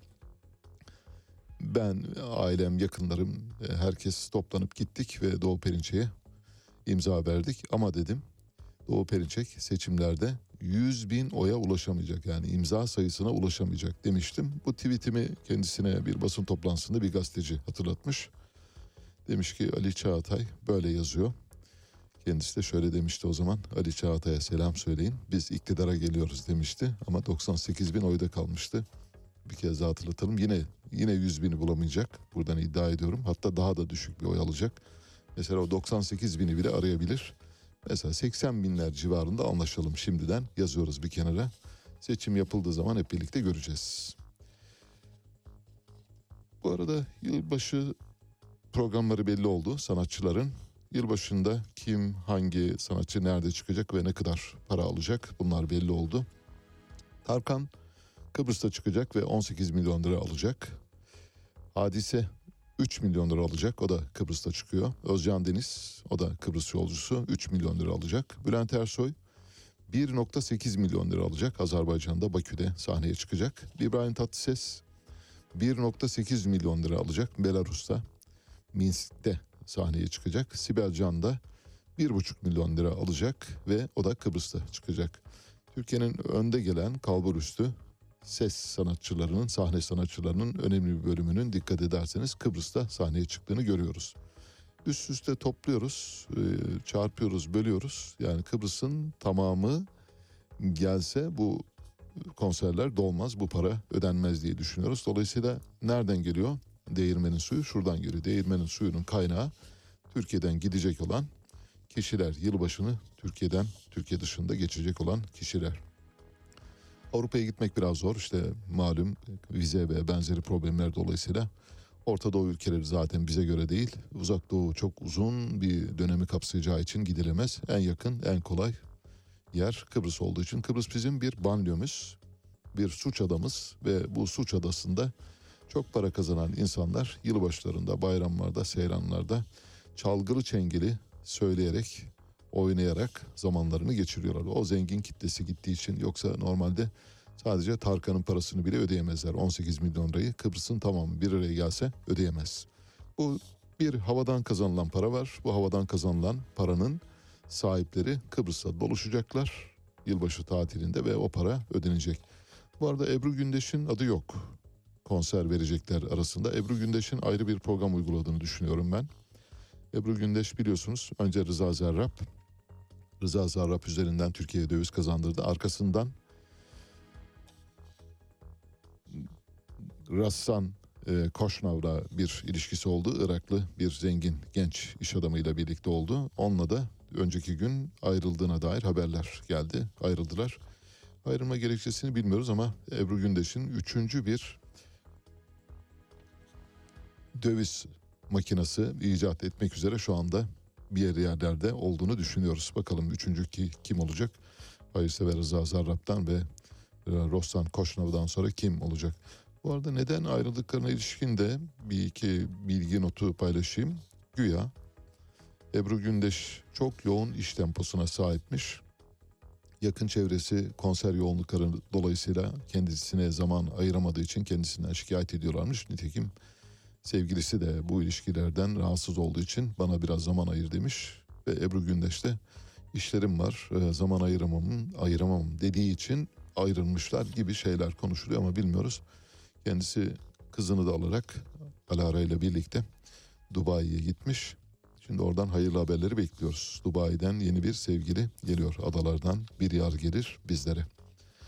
Ayrıca eşi bu arada yani kendisine sevgilisi bir iyi bir, bir araba ve bir özel uçak almaya da hazırlanıyormuş. Özel uçağı almak üzere iken tam ayrılmışlar. İtalya Başbakanı Giorgia Meloni aykırı çıkışlar yapmaya devam ediyor. Giorgia Meloni şu anda Avrupa'nın yaramaz çocuğu kimliğine sahip. Avrupa Giorgia Meloni ile yeni bir dönem yaşıyor. Bu yeni dönemin izlerini görüyoruz. Bildiğiniz gibi göçmenler konusunda şöyle demişti. Artık daha fazla göçmen alamayız. Bugüne kadar göçmenler konusunda Türkiye'ye yaptığımız milyarlarca dolar yardım var. Bu yardımları da artık yapmamalıyız demişti. Orada böyle biraz irinleri, cerahatleri patlatıyor Avrupa'daki ve o irin ve cerahatin herkesi rahatsız etmesini sağlamaya çalışıyor. Dün şöyle bir şey dedi. 14 Afrika ülkesi Fransa tarafından basılan parayı kullanıyor. İhracat gelirlerinin %50'si Fransız hazinesinde tutuluyor. Bedavadan senyoraj geliriyle sömürü devam ediyor diyor. Bir üçüncü dünya ülkesi devlet başkanı gibi konuşuyor. Onların adına konuşuyor. Bence çok yerinde ve doğru saptamalar yapıyor. Göçmenler konusundaki saptaması da son derece yerindeydi, doğruydu bence. Çünkü Türkiye bir göçmen çöplüğü haline dönüştürülmüş durumda ve Türkiye'nin göçmen çöplüğü haline dönüştürüldüğünün bir bedel karşılığında olduğunu açık açık söyledi. Bu da bizim gündemimize girdi. Bu zaten biliniyordu ancak daha açık biçimde Avrupa kamuoyu nezdinde de dile getirilmiş olması son derece önemli. Frank meselesine gelince şu anda Fransız frankını Afrika'da 14 ülke kullanıyor. Bir Batı Afrika frankı var, bir de Orta Afrika frankı var. Bu iki frankı kullanan ülkeler şunlar. Bunların hepsi Fransız sömürgesi eski. Senegal, Mali, Nijer, Burkina Faso, Benin, Togo, Fil sahili, Gine Bissau, Çat, Kamerun, Ekvador, Ginesi, Gabon, Kongo, Orta Afrika Cumhuriyeti ve Komorlar. Bu ülkeler Afrika frangı kullanıyorlar. Afrika frangı nerede basılıyor? Fransa'da basılıyor. Fransa'da basılıyor ve Fransa Maliye Bakanlığı marifetiyle ya da onun aracılığıyla sunuluyor e, Afrika ülkelerine. Bir senyoraj gelirinden bahsediyor. Senyoraj geliri nedir? Devletler paranın üzerine bir rakam yazarlar. Derler ki bin euro. Siz o kağıt parçasına bin euro muamelesi yapmak zorundasınız. Buna senyoraj gelir diyor. Devlet ona kaç para ya da ne kadar değer biçtiyse o değeri senyoraj geliri olarak ifade ediyor. O kağıt paranın maliyeti muhtemelen 10 sent, 20 sent, 50 senttir maksimum. Ama o paraya 1000 dolar ya da 3 5 bin dolar, 10 bin dolar muamelesi yapmak durumunda kalıyorsunuz. İşte bu senyoraj geliri dolayısıyla Fransa'nın avantadan ve açıktan para kazandığını söylüyor. Buna son verilmesi gerektiğini ifade ediyor. Bu Fransa'yı son derece rahatsız edici bir şey diye düşünüyoruz. Biraz Malezya'ya gideceğiz. Malezya'nın eski devlet başkanı, eski başbakanlardan Mahathir Muhammed. Mahathir Muhammed şu anda 97 yaşında ve Mahathir Muhammed ahir ömründe son kez aday olmak istedi. Seçimlere girmek istedi ama bu defa başarılı olamadı. Bugüne kadar ülkeyi bir demir yumrukla yönetmiştir Mahathir Muhammed. Kendisi 1925 doğumlu. 1981 ile 2003 yılları arasında Malezya'nın başbakanıydı. Malay Dilemma adlı bir kitabı var. Bu kitap epey tartışmalı bir kitap. Bu kitapta İslam çerçevesinden ve İslam zaviyesinden bakarak diğer dinleri, Hristiyanları ve Musevileri eleştiriyor. Hatta Semitik e, bir e, kitap olduğu da söylenebilir. Yani bir e, Yahudi karşıtı bir kitap olduğu da söylenebilir. Mahathir Muhammed son seçime girmeyeceğini ne zaman söylemişti? Ta 2003 yılında politikadan ayrıldığı zaman dedik ki artık bundan sonra siyasette olmayacağım ve siyasetçi gitmesini ve siyaseti bırakmasını bilmelidir dedi. 2003-2022 aradan yaklaşık 19-20 yıl geçtikten sonra Mahathir Muhammed tekrar aday oldu. Bu defa yenildi. İlk kez yenildi. 97 yaşında ayakta duramaz vaziyette ben birkaç görüntüye baktım. Hakikaten kendini idare etmekten aciz durumda ama yapıyor. Ama Mahathir Muhammed'in Malezya'da başarılı bir kariyeri var onu söyleyelim. 1983'te Malezya'yı ilk yerli otomobille tanıştırdı. Proton markası biliyorsunuz Proton. Açılımı şöyle Perusahan Otomobil National Berhad diye geçiyor Proton. 23 Mayıs 1983'te Mitsubishi ile bir işbirliği yaptı ve Proton'u geliştirdi. Ya Proton'un bütün o, o önemli aksamları, motor ve şanzıman aksamları Mitsubishi tarafından temin edildi. E, Malezya'da da montaj yapıldı. Bizdeki şu andaki TOG otomobili ile karşılaştırmak mümkün mü değil mi bilmiyorum ama çünkü TOG'un prosesiyle ilgili çok fazla bilgiye sahip değiliz maalesef. Ancak TOG'un da sonuçta elbette motorunun e, bir yerlerden devşirildiğini tahmin ediyoruz. Bu arada Mahathir Muhammed e, 1997 yılında spekülatör, Amerikalı ünlü spekülatör George Soros'u Ringit'e karşı yapılan spekülatif saldırıdan sorumlu tuttu. Ringgit Malezya para birimi bildiğiniz gibi. Ringgit'e saldırıyorlar demişti. Kim saldırıyor demişlerdi. George Soros demişlerdi. Demişti. Benziyor mu acaba? Mesela Sorosçular diye tefe koyup mesela Sayın Cumhurbaşkanı da sıkıştığı zaman Sorosçular diyerek ekonomimize saldırıyorlardı işte. Bir ortak düşman yaratmak için böylesine bir kamplaşma ortaya çıkarıyor. 1970'de tartışma yaratan The Malay Dilemma adlı Malay ikilemi ya da Ma- Malay dualitesi demek lazım. Orada şöyle diyor Yahudiler sadece kanca burunlu değil ayrıca içgüdüsel olarak da paradan anlamaktadır diyor. Yahudilerin her şeyden yani burunları çok iyi koku alıyor anlamında söylüyor. Bu arada Yahudileri biraz böyle hakir gören bir yaklaşımla ifade ediyor.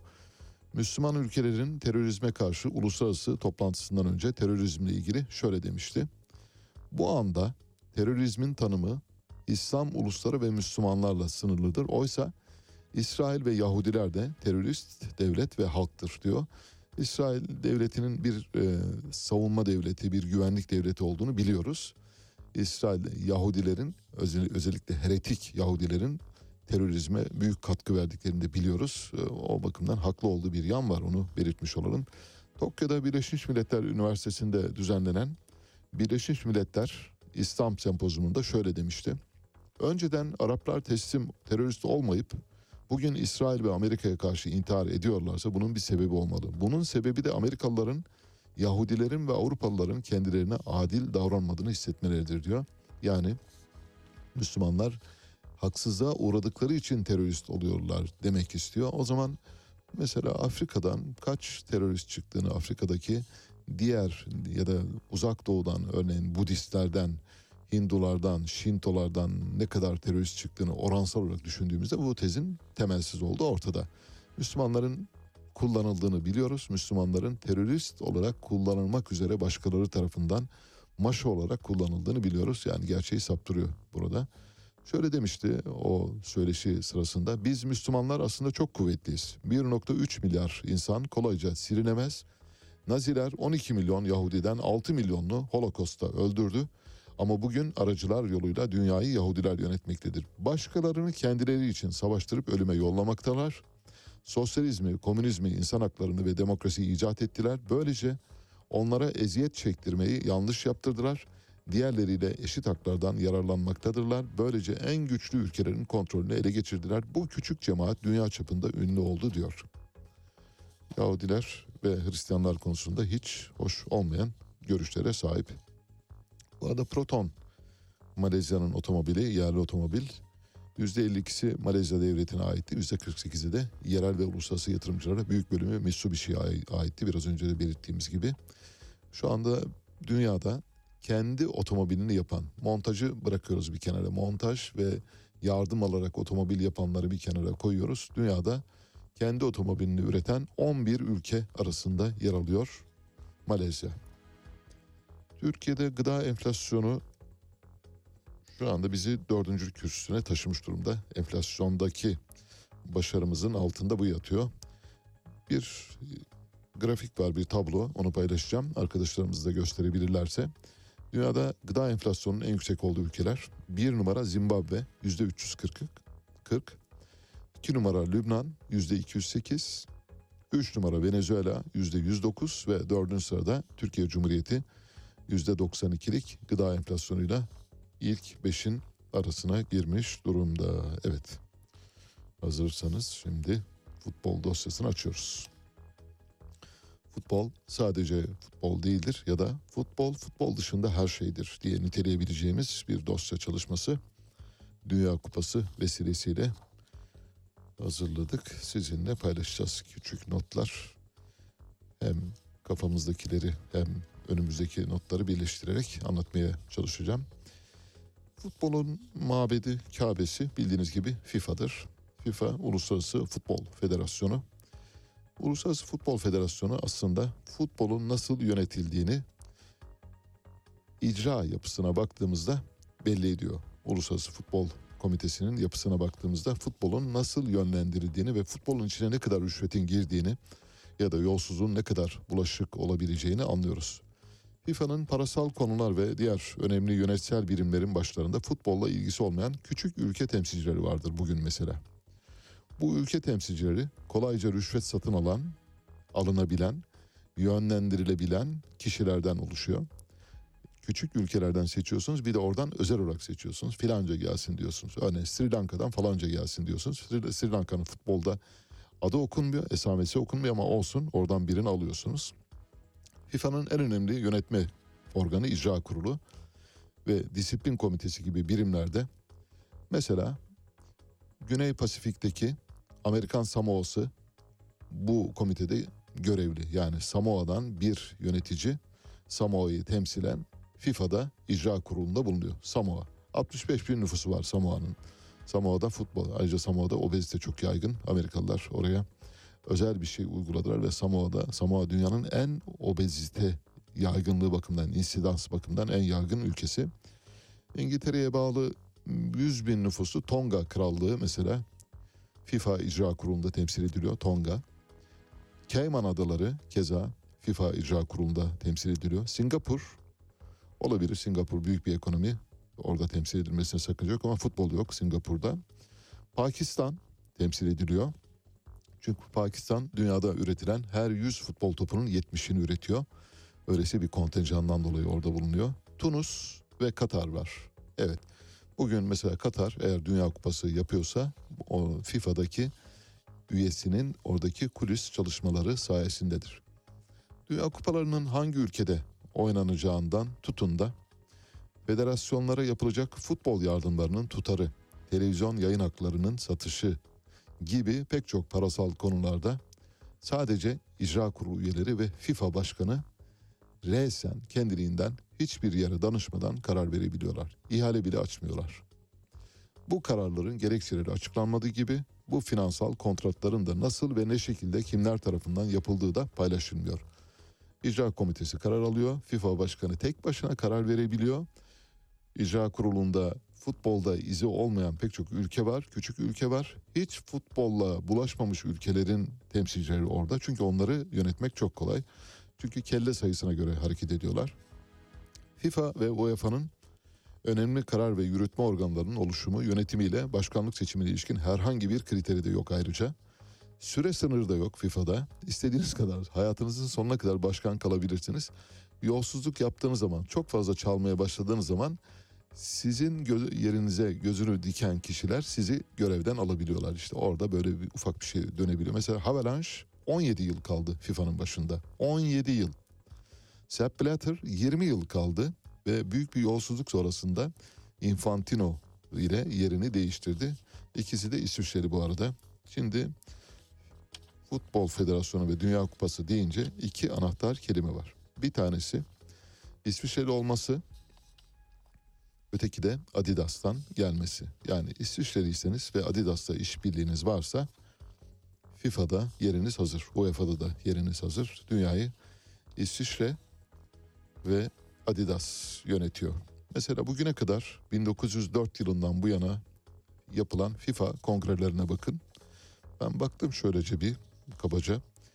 Şu ana kadar 1905'ten bugüne kadar 120 yılın üzerinde bir zaman diliminden bahsediyoruz. Bu zaman dilimi içinde en fazla FIFA kongresi nerede yapılmıştır sizce?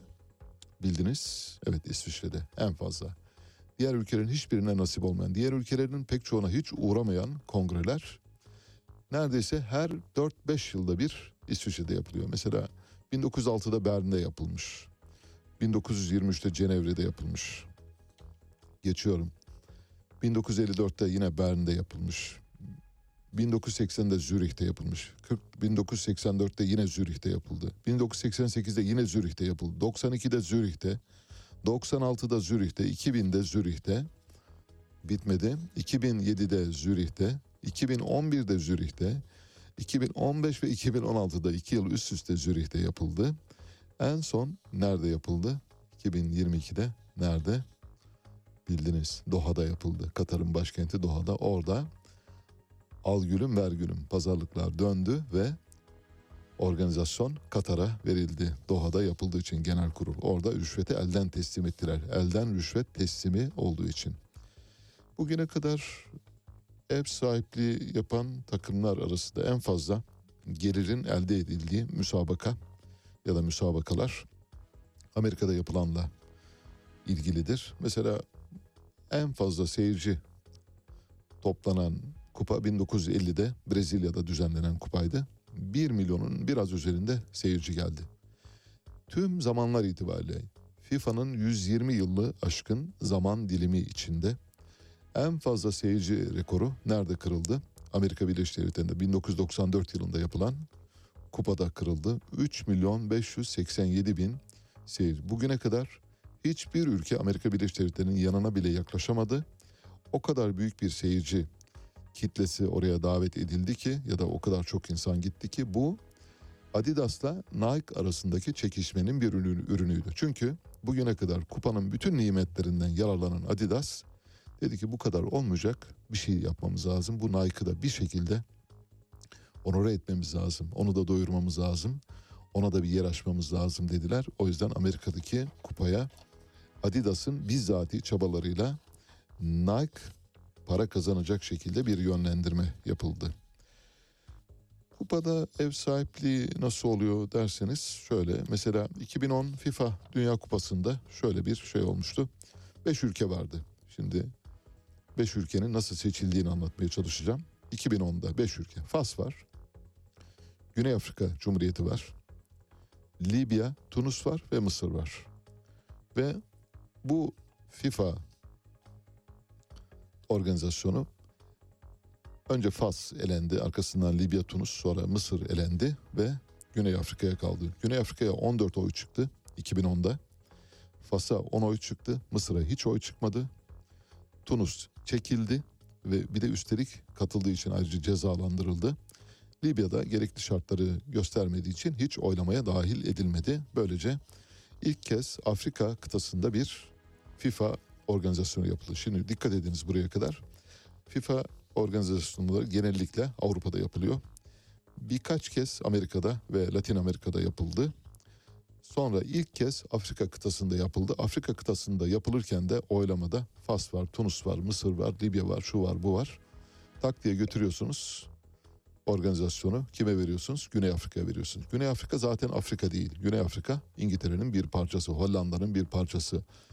Ee, Anglo-Sakson dünyanın bir parçası. Güney Afrika Afrika'nın içinde olmakla birlikte Afrika dışında bir coğrafyayı temsil ediyor. Bir tür Avrupa. O yüzden oraya verdi. Ama bedava vermediler söyleyelim. Burada FIFA'nın mahir elleri devreye girdi ve Güney Afrika Cumhuriyeti'ne tam tamına sayıyorum. 1, 2, 3, 4, 5, 6, 7, 8, 9, 10. 10 tane stat yaptırdılar Güney Afrika Cumhuriyeti'ne.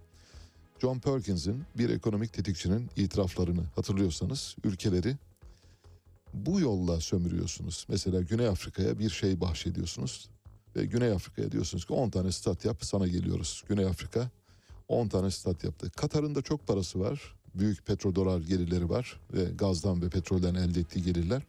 O yüzden Katar'a 10 yılda 300 milyar dolar harcattılar ve sayısız stat yaptırdılar. Mesela Güney Afrika'da yapılan statlardan birkaçının kapasiteleriyle ilgili örnekler vereceğim. Bu arada Güney Afrika'da futbol böyle hani örneğin bir Avrupa kent Avrupa ülkesindeki kadar yaygın ve geniş kitlelerle buluşamıyor onu da söyleyelim. Çünkü orası bir daha çok beyzbol, kriket, golf ülkesi. Yani futbolda var ama o kadar e, etkili değil. Örneğin e, Soccer City'de 84 bin kişilik bir stat yaptılar. E, Ellis Park Stadyumu 55 bin kişiydi. Yani bunların ikisi Johannesburg'da. Cape Town'da Yeşil Nokta Stadyumunu yaptılar 64 bin kişi. Durban'da 62 bin kişilik bir stat yaptılar. Pretoria'da 42 bin kişilik bir stat. Port Elizabeth'te 42 bin kişilik bir stat. Daha saymayayım yani vaktinizi almamak için ama 10 stat yaptırdılar ve Güney Afrika'ya çok para harcattılar. Güney Afrika bu harcadığı paraların karşılığını alamadı. Ancak Afrika kıtasında ilk yapılan FIFA organizasyonunun Dünya Kupası'nın şerefi ona bahşedilmiş oldu. Şimdi bu şeref Katar'a bahşediliyor.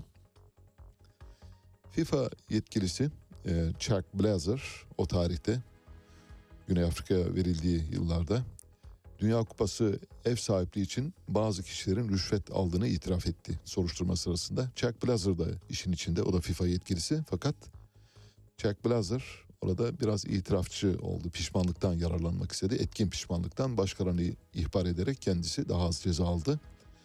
Arkasından e, Fas'ın aslında bu ihaleyi daha doğrusu oylamayı Fas'ın kazandığı iddia edildi. 2010 yılında Güney Afrika Cumhuriyeti'nde yapılan Dünya Kupası aslında Fas tarafından kazanılmıştı diye sonradan yapılan soruşturmada ortaya çıktı.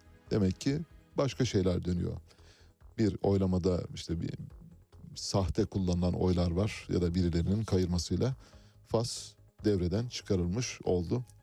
Böylece Güney Afrika bu bedeli 10 tane büyük stat ve çok sayıda otoyol, çok sayıda tünel, çok sayıda metro yaparak ödemek zorunda kaldı. Bunlardan bir tanesi de Azerbaycan, Bakü. Azerbaycan'da bildiğiniz gibi Türkiye ile Azerbaycan arasında paylaştırılan bir Avrupa Kupası vardı. Bu Avrupa Kupası için Azerbaycan'da devasa bir stat yapıldı ama yani görmeye değer. Stadı gördüğünüz zaman böyle gözlerinizi şaşkınlıktan alıkoyamıyorsunuz. FIFA Başkanı Sepp Blatter, UEFA Başkanı Michel Platini, Azerbaycan futbol kamuoyunun önemli temsilcileri çok sayıda davetli katıldı. Bakü'deki stadın açılışına 2011'de temeli atıldı ve 2015'te tamamlandı. Tam tamına kaç paraya mal olduğuna bakıyorum. Kapasitesi 69 bin mal oluş fiyatını göremiyorum ama sadece bir defaya mahsus kullanılmak üzere. Bu bizde de var biliyorsunuz. Atatürk Olimpiyat Stadı 2-3 yılda bir kullanılır ama orada yatıyor orada bir şey gibi böyle bir mezverelik gibi yatırıyorlar. Çünkü bu, bu tür yerlere para harcamamızı istiyorlar. Dünya Kupası'nı bugüne kadar hangi takımlar kazandı derseniz şu anda 5 kupayla Brezilya birinci sırada. Dünya Kupası'na katılan takımlar e, formalarında kazandıkları kupa sayısı kadar yıldız bulundururlar. Şu anda 5 yıldıza sahip olan bir tek takım var o da Brezilya 5 yıldızı. 1958'de, 62'de, 70'te, 94'te ve 2002'de kazandı. Brezilya'nın arkasından 4 yıldızlı iki takım geliyor. Almanya ve İtalya. Onların her birinin dörder yıldızı var. Arjantin'in iki yıldızı var. iki kez kazandı. Fransa'nın da iki yıldızı var. Uruguay'ın iki yıldızı var. İngiltere'nin bir. İspanya'nın da bir yıldız var. Diğer takımlar henüz yıldız alabilmiş değil. En çok gol atan oyuncular ya da maç başına en çok gol atan oyuncular kimler derseniz istatistik veriyorum. Birazdan olayın alengirli kısmına gireceğiz. Yani işin içinde İsviçre ve Adidas geçen bir kumpanyanın, kumpasın nasıl ortasında kaldığımızı göstermek bakımından. Bugüne kadar e, en fazla gol atan oyuncu Alman e, milli takımında forma giyen Miroslav Klose. Miroslav Klose 16 gol attı ve 21 maç oynadı. 21 maçta 16 gol.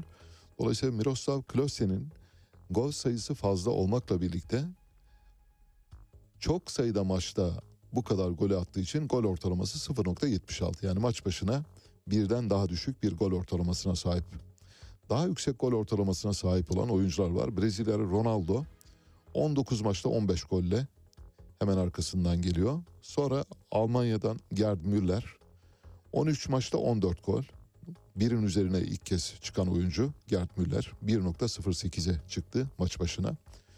Tüm zamanlar itibariyle en fazla gol atmış ve maç başına gol sayısı en yüksek oyuncu da Jas Fontaine. Fransızların Jas Fontaine'i büyük imparator. Fontaine 2.7 17 gol ortalamasına sahip. Her maçta 2 golden daha fazlasını atmış durumda.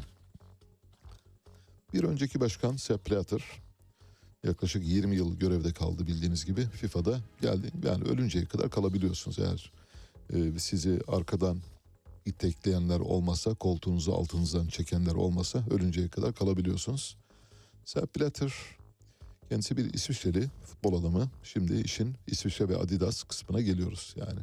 Bir Dünya Kupası oynanıyorsa, bir Avrupa Kupası oynanıyorsa, FIFA ya da UEFA ya da herhangi bir büyük organizasyon varsa işin içinde İsviçre var, işin içinde Adidas var. Bu ikisi yoksa zaten futbolda yok, maçta yok demektir. Katar'da şu anda Adidas dünyanın en büyük gelirlerinden birini elde ediyor. İsviçre'de bu yapıların, e, statların yapımında kullanılan paraların transferi, o finansmanın sağlanması ve benzeri konulardan dolayı da İsviçre bankaları da şu anda paranın dibine vuruyorlar. Sepp Blatter 1998'de Havelange'in yerine geldi. FIFA başkanı seçildi. Havelange'da 17 yıl kalmıştı biraz önce söyledim. Ve İsviçreli ilk FIFA başkanı oldu. Sonradan yolsuzluklar hakkında kendisiyle birlikte UEFA ve FIFA komitelerinde görev yapan yöneticilerin de adının karıştığı büyük bir yolsuzluk olayına sahne oldu ve yerini Gianni Infantino'ya bıraktı şu andaki FIFA başkanı. Hakkındaki yolsuzluk iddiaları yüzünden Blatter'ın FIFA başkanlığı FIFA Etik Kurulu tarafından önce 90 gün askıya alındı. Blatter'la birlikte UEFA Başkanı Michel Platini, Fransızların büyük oyuncusu, eski milli takım kaptanı, teknik direktör ve FIFA Genel Sekreteri Jerome Walken'in de görevleri askıya alındı. Ve arkasından e, Blatter'ın ofisindeki verileri de el konuldu yolsuzluklarla ilgili olarak. Arkasından Gianni Infantino geldi şu andaki başkan. O da İsviçreli. Mevcut FIFA başkanı. Gerçekten ne oluyor? Her şeyin arkasında bir İsviçre ve Adidas var diyorsanız işte burada başlıyor hikaye. Son 20 yılın hikayesi burada özetleniyor. Ondan öncesinde de var. Ve Havelange döneminde de var. Çünkü Havelange'da bir Belçikalı. Kendisi Brezilya orijinli olmasına rağmen bir Belçika'dan gitme göçmen kendisi. Adidas, Das Das Adidas. Evet. Tam da böyle söyleniyor. Das Das Adidas. Çünkü Adidas'ın kuran iki kardeş. Birinin adı Adolf Dassler. Abisi de Rudolf Dassler. Adolf e, kısa isim olarak Adi'yi kullanıyor. Adolf Hitler'e de Adi diyorlar mıydı bilmiyorum ama Adi. Adi ile soyadını birleştiriyor. Das yapıyor. Adidas ismi buradan geliyor. İkisi önce birlikte kuruyorlar iki kardeş Rudolf'la birlikte. Fakat aralarına anlaşmazlık giriyor ve Rudolf ayrılıyor. Artık seninle çalışmayacağım diyor ve Rudolf ne yapıyor? Puma'yı kuruyor. Puma da şu anda dünyadaki en büyük 3 futbol markasından biri. Yani Adidas, Nike, sonra Puma geliyor. Sonra diğerlerini sayabiliriz elbette ama ilk üçün arasında bu. Ve Adidas kurulduktan sonra büyük satın almalara giriyor. Önce Reebok'ı satın alıyor. İngilizlerin e, en büyük rakibi olan Reebok'u alıp Reebok'u kendi içinde eritiyor. Adidas aynı zamanda parfüm, kişisel bakım ürünleri vesaire çıkarıyor. Almanya, İsviçre, Fransa arasında oynanan bir oyun aslında futbol. Şimdi hem FIFA, UEFA başkanlarının seçimine bakınız. Hem futboldaki sponsorluklara bakınız. Sadece iki şey görüyorsunuz. Bir ülke grubu görüyorsunuz. İsviçre, Fransa, Almanya. Bu üç ülke futbolda egemen. Marka olarak da Adidas egemen. Ve marka Adidas dünyanın en önemli spor markalarından olan Nike'a kapik bile vermiyor. Nike'a koklatmıyor neredeyse. Nike işte basketbol ligi ve benzeri diğer şeylerle kendini idare etmeye çalışıyor. Burada Avrupalıların Amerikalılarla Airbus'la Boeing'deki savaşta olduğu gibi Amerikalılara zırnık koklatmadığını görüyoruz. Adidas uluslararası futbol takımlarının spor eşyası tedariğinde en büyük oyuncu.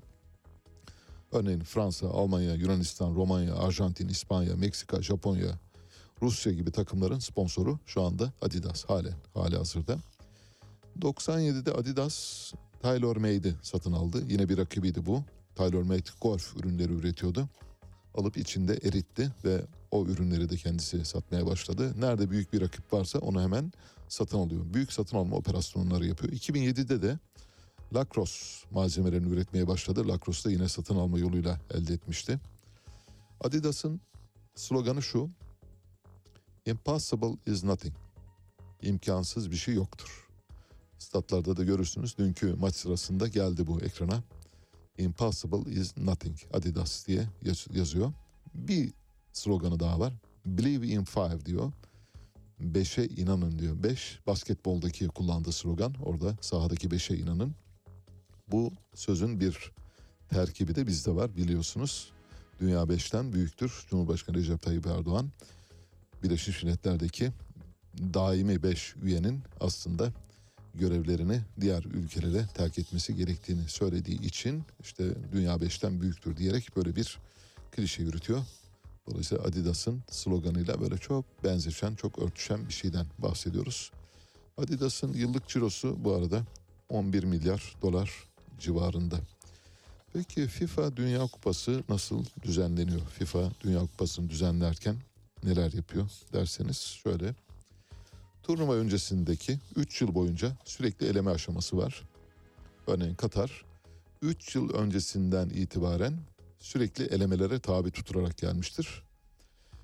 Bugün 211 üyesi var FIFA'nın ve FIFA Dünya Kupası finallerini final aşamasında mücadele eden takımlardan işte oylamaya göre bu oylamanın da Samoa adalarından, e, Singapur'dan e, ve benzeri e, Cayman adalarındaki kişiler tarafından temsil eden, FIFA'da temsil edilen kişiler tarafından yani futbolla doğrudan hiç işi olmayan hatta futbolun olmadığı ülkelerden bahsediyoruz. O ülkelerden FIFA'ya temsilci gönderilerek oluşturulan yapı sayesinde orada tabii Infantino'nun borusu ötüyor. Toplam 32 takım bulunuyor ve 32 takım 800 üzer takımlı gruplara ayrılıyor. FIFA gelecekteki boykot ve tartışmaları önlemek için 1958 Dünya Kupası'ndan 98 kupasına kadar Amerika ve Avrupa ülkelerinin sırayla ev sahipliği yaptığı bir sistem uyguladı. 2002 Dünya Kupası'nı Güney Kore ve Japonya'ya verdi ortaklaşa. Avrupa dışında Amerika ve Latin Amerika dışında kupanın ilk kez çıktığı yerlerden biri de Uzak Doğu. Uzak Doğu'da iki ülkeye birlikte paylaştırdılar Güney Kore ve Japonya. Çünkü Güney Kore ve Japonya Amerika Birleşik Devletleri'nin uzak doğudaki uç beyleri, jandarması, ileri karakolu. Onlara da böyle bir parmak bal çalmak için onlara da bir kupa verdiler. İki ülkeye paylaştırdılar. Eksik kalmayın oyunda yerinizi alın diye. İlk Dünya Kupası finalinde futbol topuna geliyoruz şimdi. Futbol topu Pakistan neden FIFA icra komitesinde var derseniz dünyada üretilen her 100 topun 70'ini Pakistan üretiyor. İlk topu Uruguay ile Arjantin arasında oynanan ilk kupada Arjantin ben kendi topumla oynayacağım dedi. Uruguay'da ben de kendi topumla oynayacağım dedi. Bunun üzerine şöyle bir karar alındı. İlk yarı Arjantin'in topuyla oynandı. İkinci yarıda Uruguay'ın topuyla oynandı. Böyle ikisinde dediği oldu. Sonra FIFA baktı ki olmuyor böyle. Buna bir çözüm bulmak lazım. Topları standarda bağladı. Ve 1958'de Top Star adlı bir topu seçti. Stockholm'da İs- İsveç'te üretimi yapılan bir topu seçti. Bu son oldu. 1962'den sonra artık Adidas'ın adının geçmediği tek bir forma giyilmedi neredeyse. Tabii Nike giyenler de var, Puma giyenler de var elbette. Reebok giyenler de var. Reebok zaten Adidas demek. Adidas'ın bir alt markası. Öylesine, öylesine bir e, yoğunluk kazandı ki 1962'den bu yana üretilen bütün toplar Adidas markalı. Topları üreten ülkede neresi? Pakistan. Pakistan nerede? FIFA İcra Komitesi'nde. Pakistan'da futbol var mı? Yok. Pakistan'da ne var? Beyzbol var, değil mi? Golf var. Rugby var. Ama futbol yok. Olsun. Oradan geliyor. Samoa Adaları'nda var mı? Yok. Samoa Adaları'nda top oynayacak insan yok. Halkın yüzde 95'i aşırı obez. Dünyanın en obez insanları Amerika Birleşik Devletleri özel bir testle bir gıda maddesini denemek için Samoa Adaları'nda denemiştir ve Samoa Adaları'ndaki insanların aşırı obez olmasıyla sonuçlanan bir kitlesel deneyin ürünüdür şu anda Samoa Adaları'ndaki obezitenin sebebi Amerika Birleşik Devletleri. İspanya 1982 kupasıyla toplam seyirciyi 2 milyonu bulmuştu. En yüksek seyirci sayılarından biri Brezilya'dan sonra. Arkasından Amerika Birleşik Devletleri yaklaşık 3 milyon 587 bin seyirciyle olağanüstü bir rekor yakaladı. Kupada bir takım değerler var. Küçük küçük istatistikler onları da paylaşayım. Mesela bugüne kadar 1934 ve 38'de İtalya ile şampiyonluk yaşayan yani iki kez yaşayan bir teknik direktör var. O da Vittorio Pozzo. İki Dünya Kupası şampiyonluğu yaşayan tek teknik direktör bu arada Vittorio Pozzo. Mario Zagallo Brezilyalı 1958 ve 62'de futbolcu olarak 70'te de teknik direktör 94'te de yardımcı teknik direktör olarak toplam 4 turnuvada görev alan tek kişidir. Beckenbauer 1974'te futbolcu 90'da teknik direktör olarak kupayı kazanan ikinci kişidir. Teknik direktör Brezilya'nın Carlos Alberto Parreira 5 farklı takımla aynı turnuvaya katılan tek kişidir. Bora Milutinovic ise Türkiye'de de takımları çalıştırdı bildiğiniz gibi 5 turnuvada 5 farklı takımın teknik direktörlüğünü yapan kişidir. Gelelim Nike'a. Nike eski Yunan mitolojisinde, antik Yunan mitolojisinde zafer tanrıçası diye biliniyor. Şöyle bir zafer tanrıçası kabartması da var. Onu da arkadaşlarımız verirse göreceksiniz. Buradan birebir alıntıdır. Fakat Nike'ın simgesini bir üniversite öğrencisi bir çocuk çalıştı ve saati 2 dolardan yaparım dedi. Yaptı 35 dolara birden çok e, tasarımda tasarım gerçekleştirdi. Onlardan bir tanesi çok beğenildi ve o Nike'ın simgesi oldu. İşte bu zafer tanrıçası. Sonra bu tasarımı gerçekleştiren, swoosh denilen tasarımı gerçekleştiren Caroline Davidson. Caroline Davidson dava açtı Nike'a. Madem dedi bu kadar ünlü olacaktınız o zaman benim hakkımı da verin. Bunun üzerine Caroline Davidson'a bir swoosh çok pahalı bir pırlantadan bir e, yüzük hediye ettiler. Ayrıca ne kadar olduğu bilinmeyen bir de Nike hissesi verdiler. Şu anda Nike e, Türk milli takımının, Azerbaycan milli takımının, Brezilya'nın, Fransa'nın, Hollanda milli takımlarının daha çok handball ve basketbol takımlarının sponsoru. Pek çok sponsorluk şu anda şeyde bildiğiniz gibi Adidas'ta. FIFA'da olup bitenlere şöyle bir bakalım yolsuzluk olaylarına. FIFA en büyük tartışmalara rağmen onay verdiği 2018 Dünya Kupası'nda. Her şey burada başladı. 2018'de Rusya'ya verilince kıyamet koptu. Ve 2022 Dünya Kupası'nın Katar'da düzenlenmesi kararı da yine aynı tarihlerde verildi. Rusya'da rüşvet dönüp dönmediğini bilmiyoruz. Öyle bir bilgiye sahip değiliz ama Katar'da büyük rüşvet döndüğüne dair iddialar var. Bu biliniyor. Sadece canlı yayın gelirleri üzerinden 100 milyon dolar rüşvetin döndüğü biliniyor ayrıca. FIFA'nın diğer e, ana sponsoru e, olan Coca-Cola uzun süredir devam eden bu tartışmalar FIFA Dünya Kupası'na zarar vermektedir diye açıklama yaptı. Katar'daki rüşvet olayları ortaya çıkınca. Yani bugün Katar'da icra edilen Dünya Kupası rüşvetle alınmış bir kupa organizasyonudur. Maradona bu olayla ilgili şöyle demişti. FIFA soruşturmayı kendilerinin istediklerini söylüyor. Bu büyük bir yalan. Skandala tamamen hazırlıksız yakalandılar. FIFA'nın futboldan nefret ettiğine inanıyorum. Şeffaflıktan nefret ediyorlar. Artık bu yalanlara bir son verin.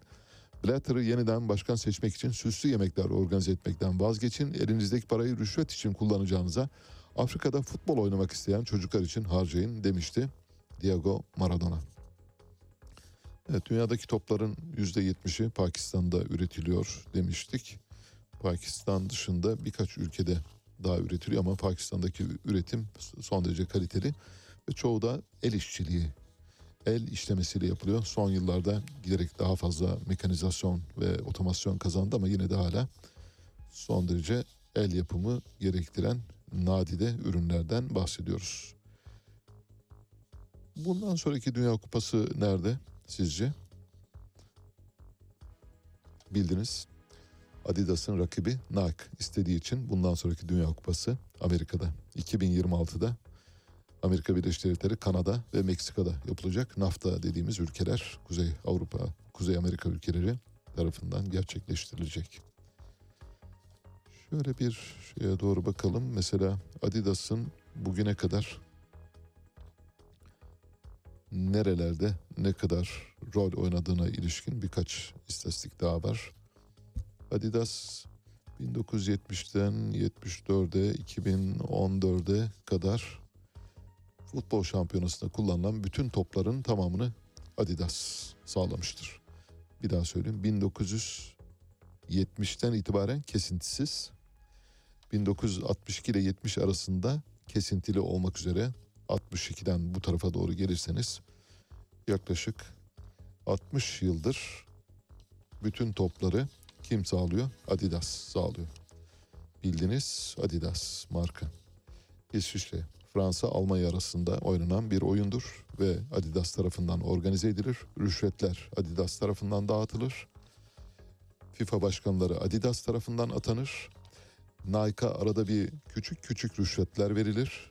Kupa Amerika'ya kaydırılarak orada da büyük hasılatlar elde ederek, büyük televizyon gelirleri elde ederek Nike'a küçük rüşvetler vererek rakibini öldürmemeye çalışıyor. Zaten Adidas eğer rakibine karşı acımasız davranmış olsaydı muhtemelen şu anda Adidas Adidas olamazdı. Futbolda ve mafya raconunda bir kural vardır. Rakibinizi öldürmeyiniz. Rakibinizi hayatta kalacak şekilde canlı tutunuz. Ama hiçbir zaman size saldıracak kadar güçlü olmasına izin vermeyiniz. Arnavut mafyası, mafya Skiptare ve Sırp mafyası, mafya Scalieri'den edindiğimiz izlenimler bunlar. Son zamanlarda yazılıp çizilenlere baktığımızda mafya daima rakiplerini ne yapar?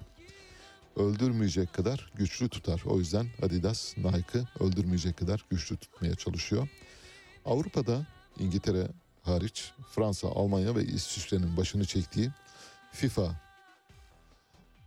komitesi de Amerika'yı darıltmayacak şekilde organizasyonlar yapıyor ve Amerika'ya verdiği organizasyonlara yüklenerek oranın büyük seyirci ve maç gelirleri elde etmesine yardımcı oluyor.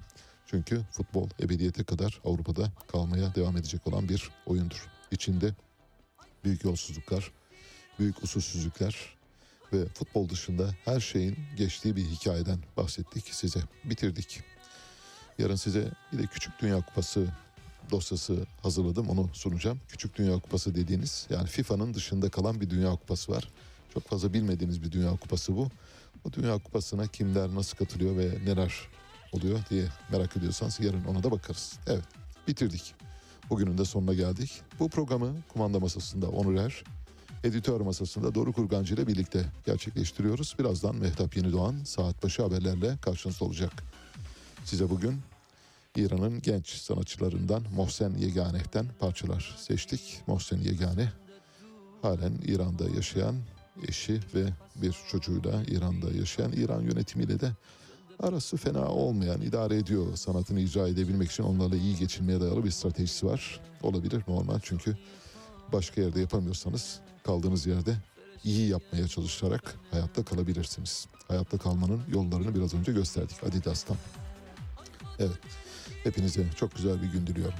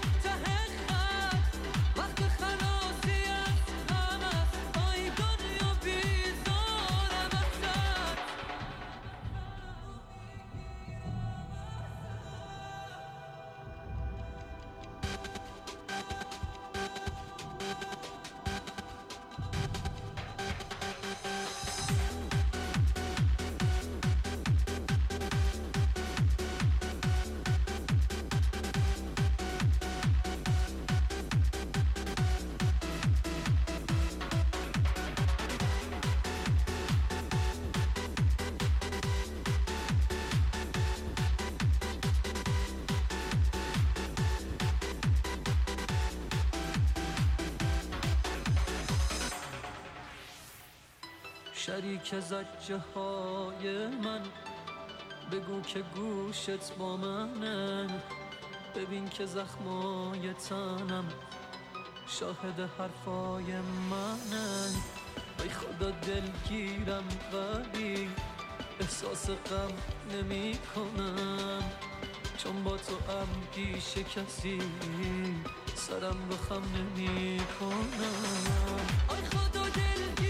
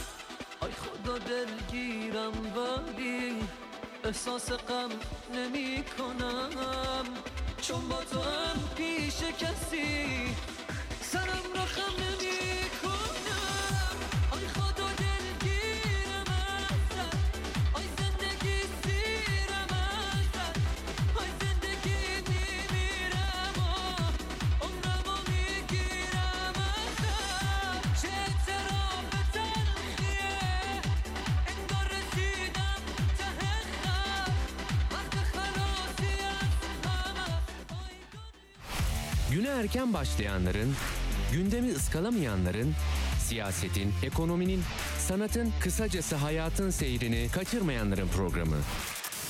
Ali Çağatay'la Seyir Hali hafta içi her sabah 7'den 9'a Radyo Sputnik'te.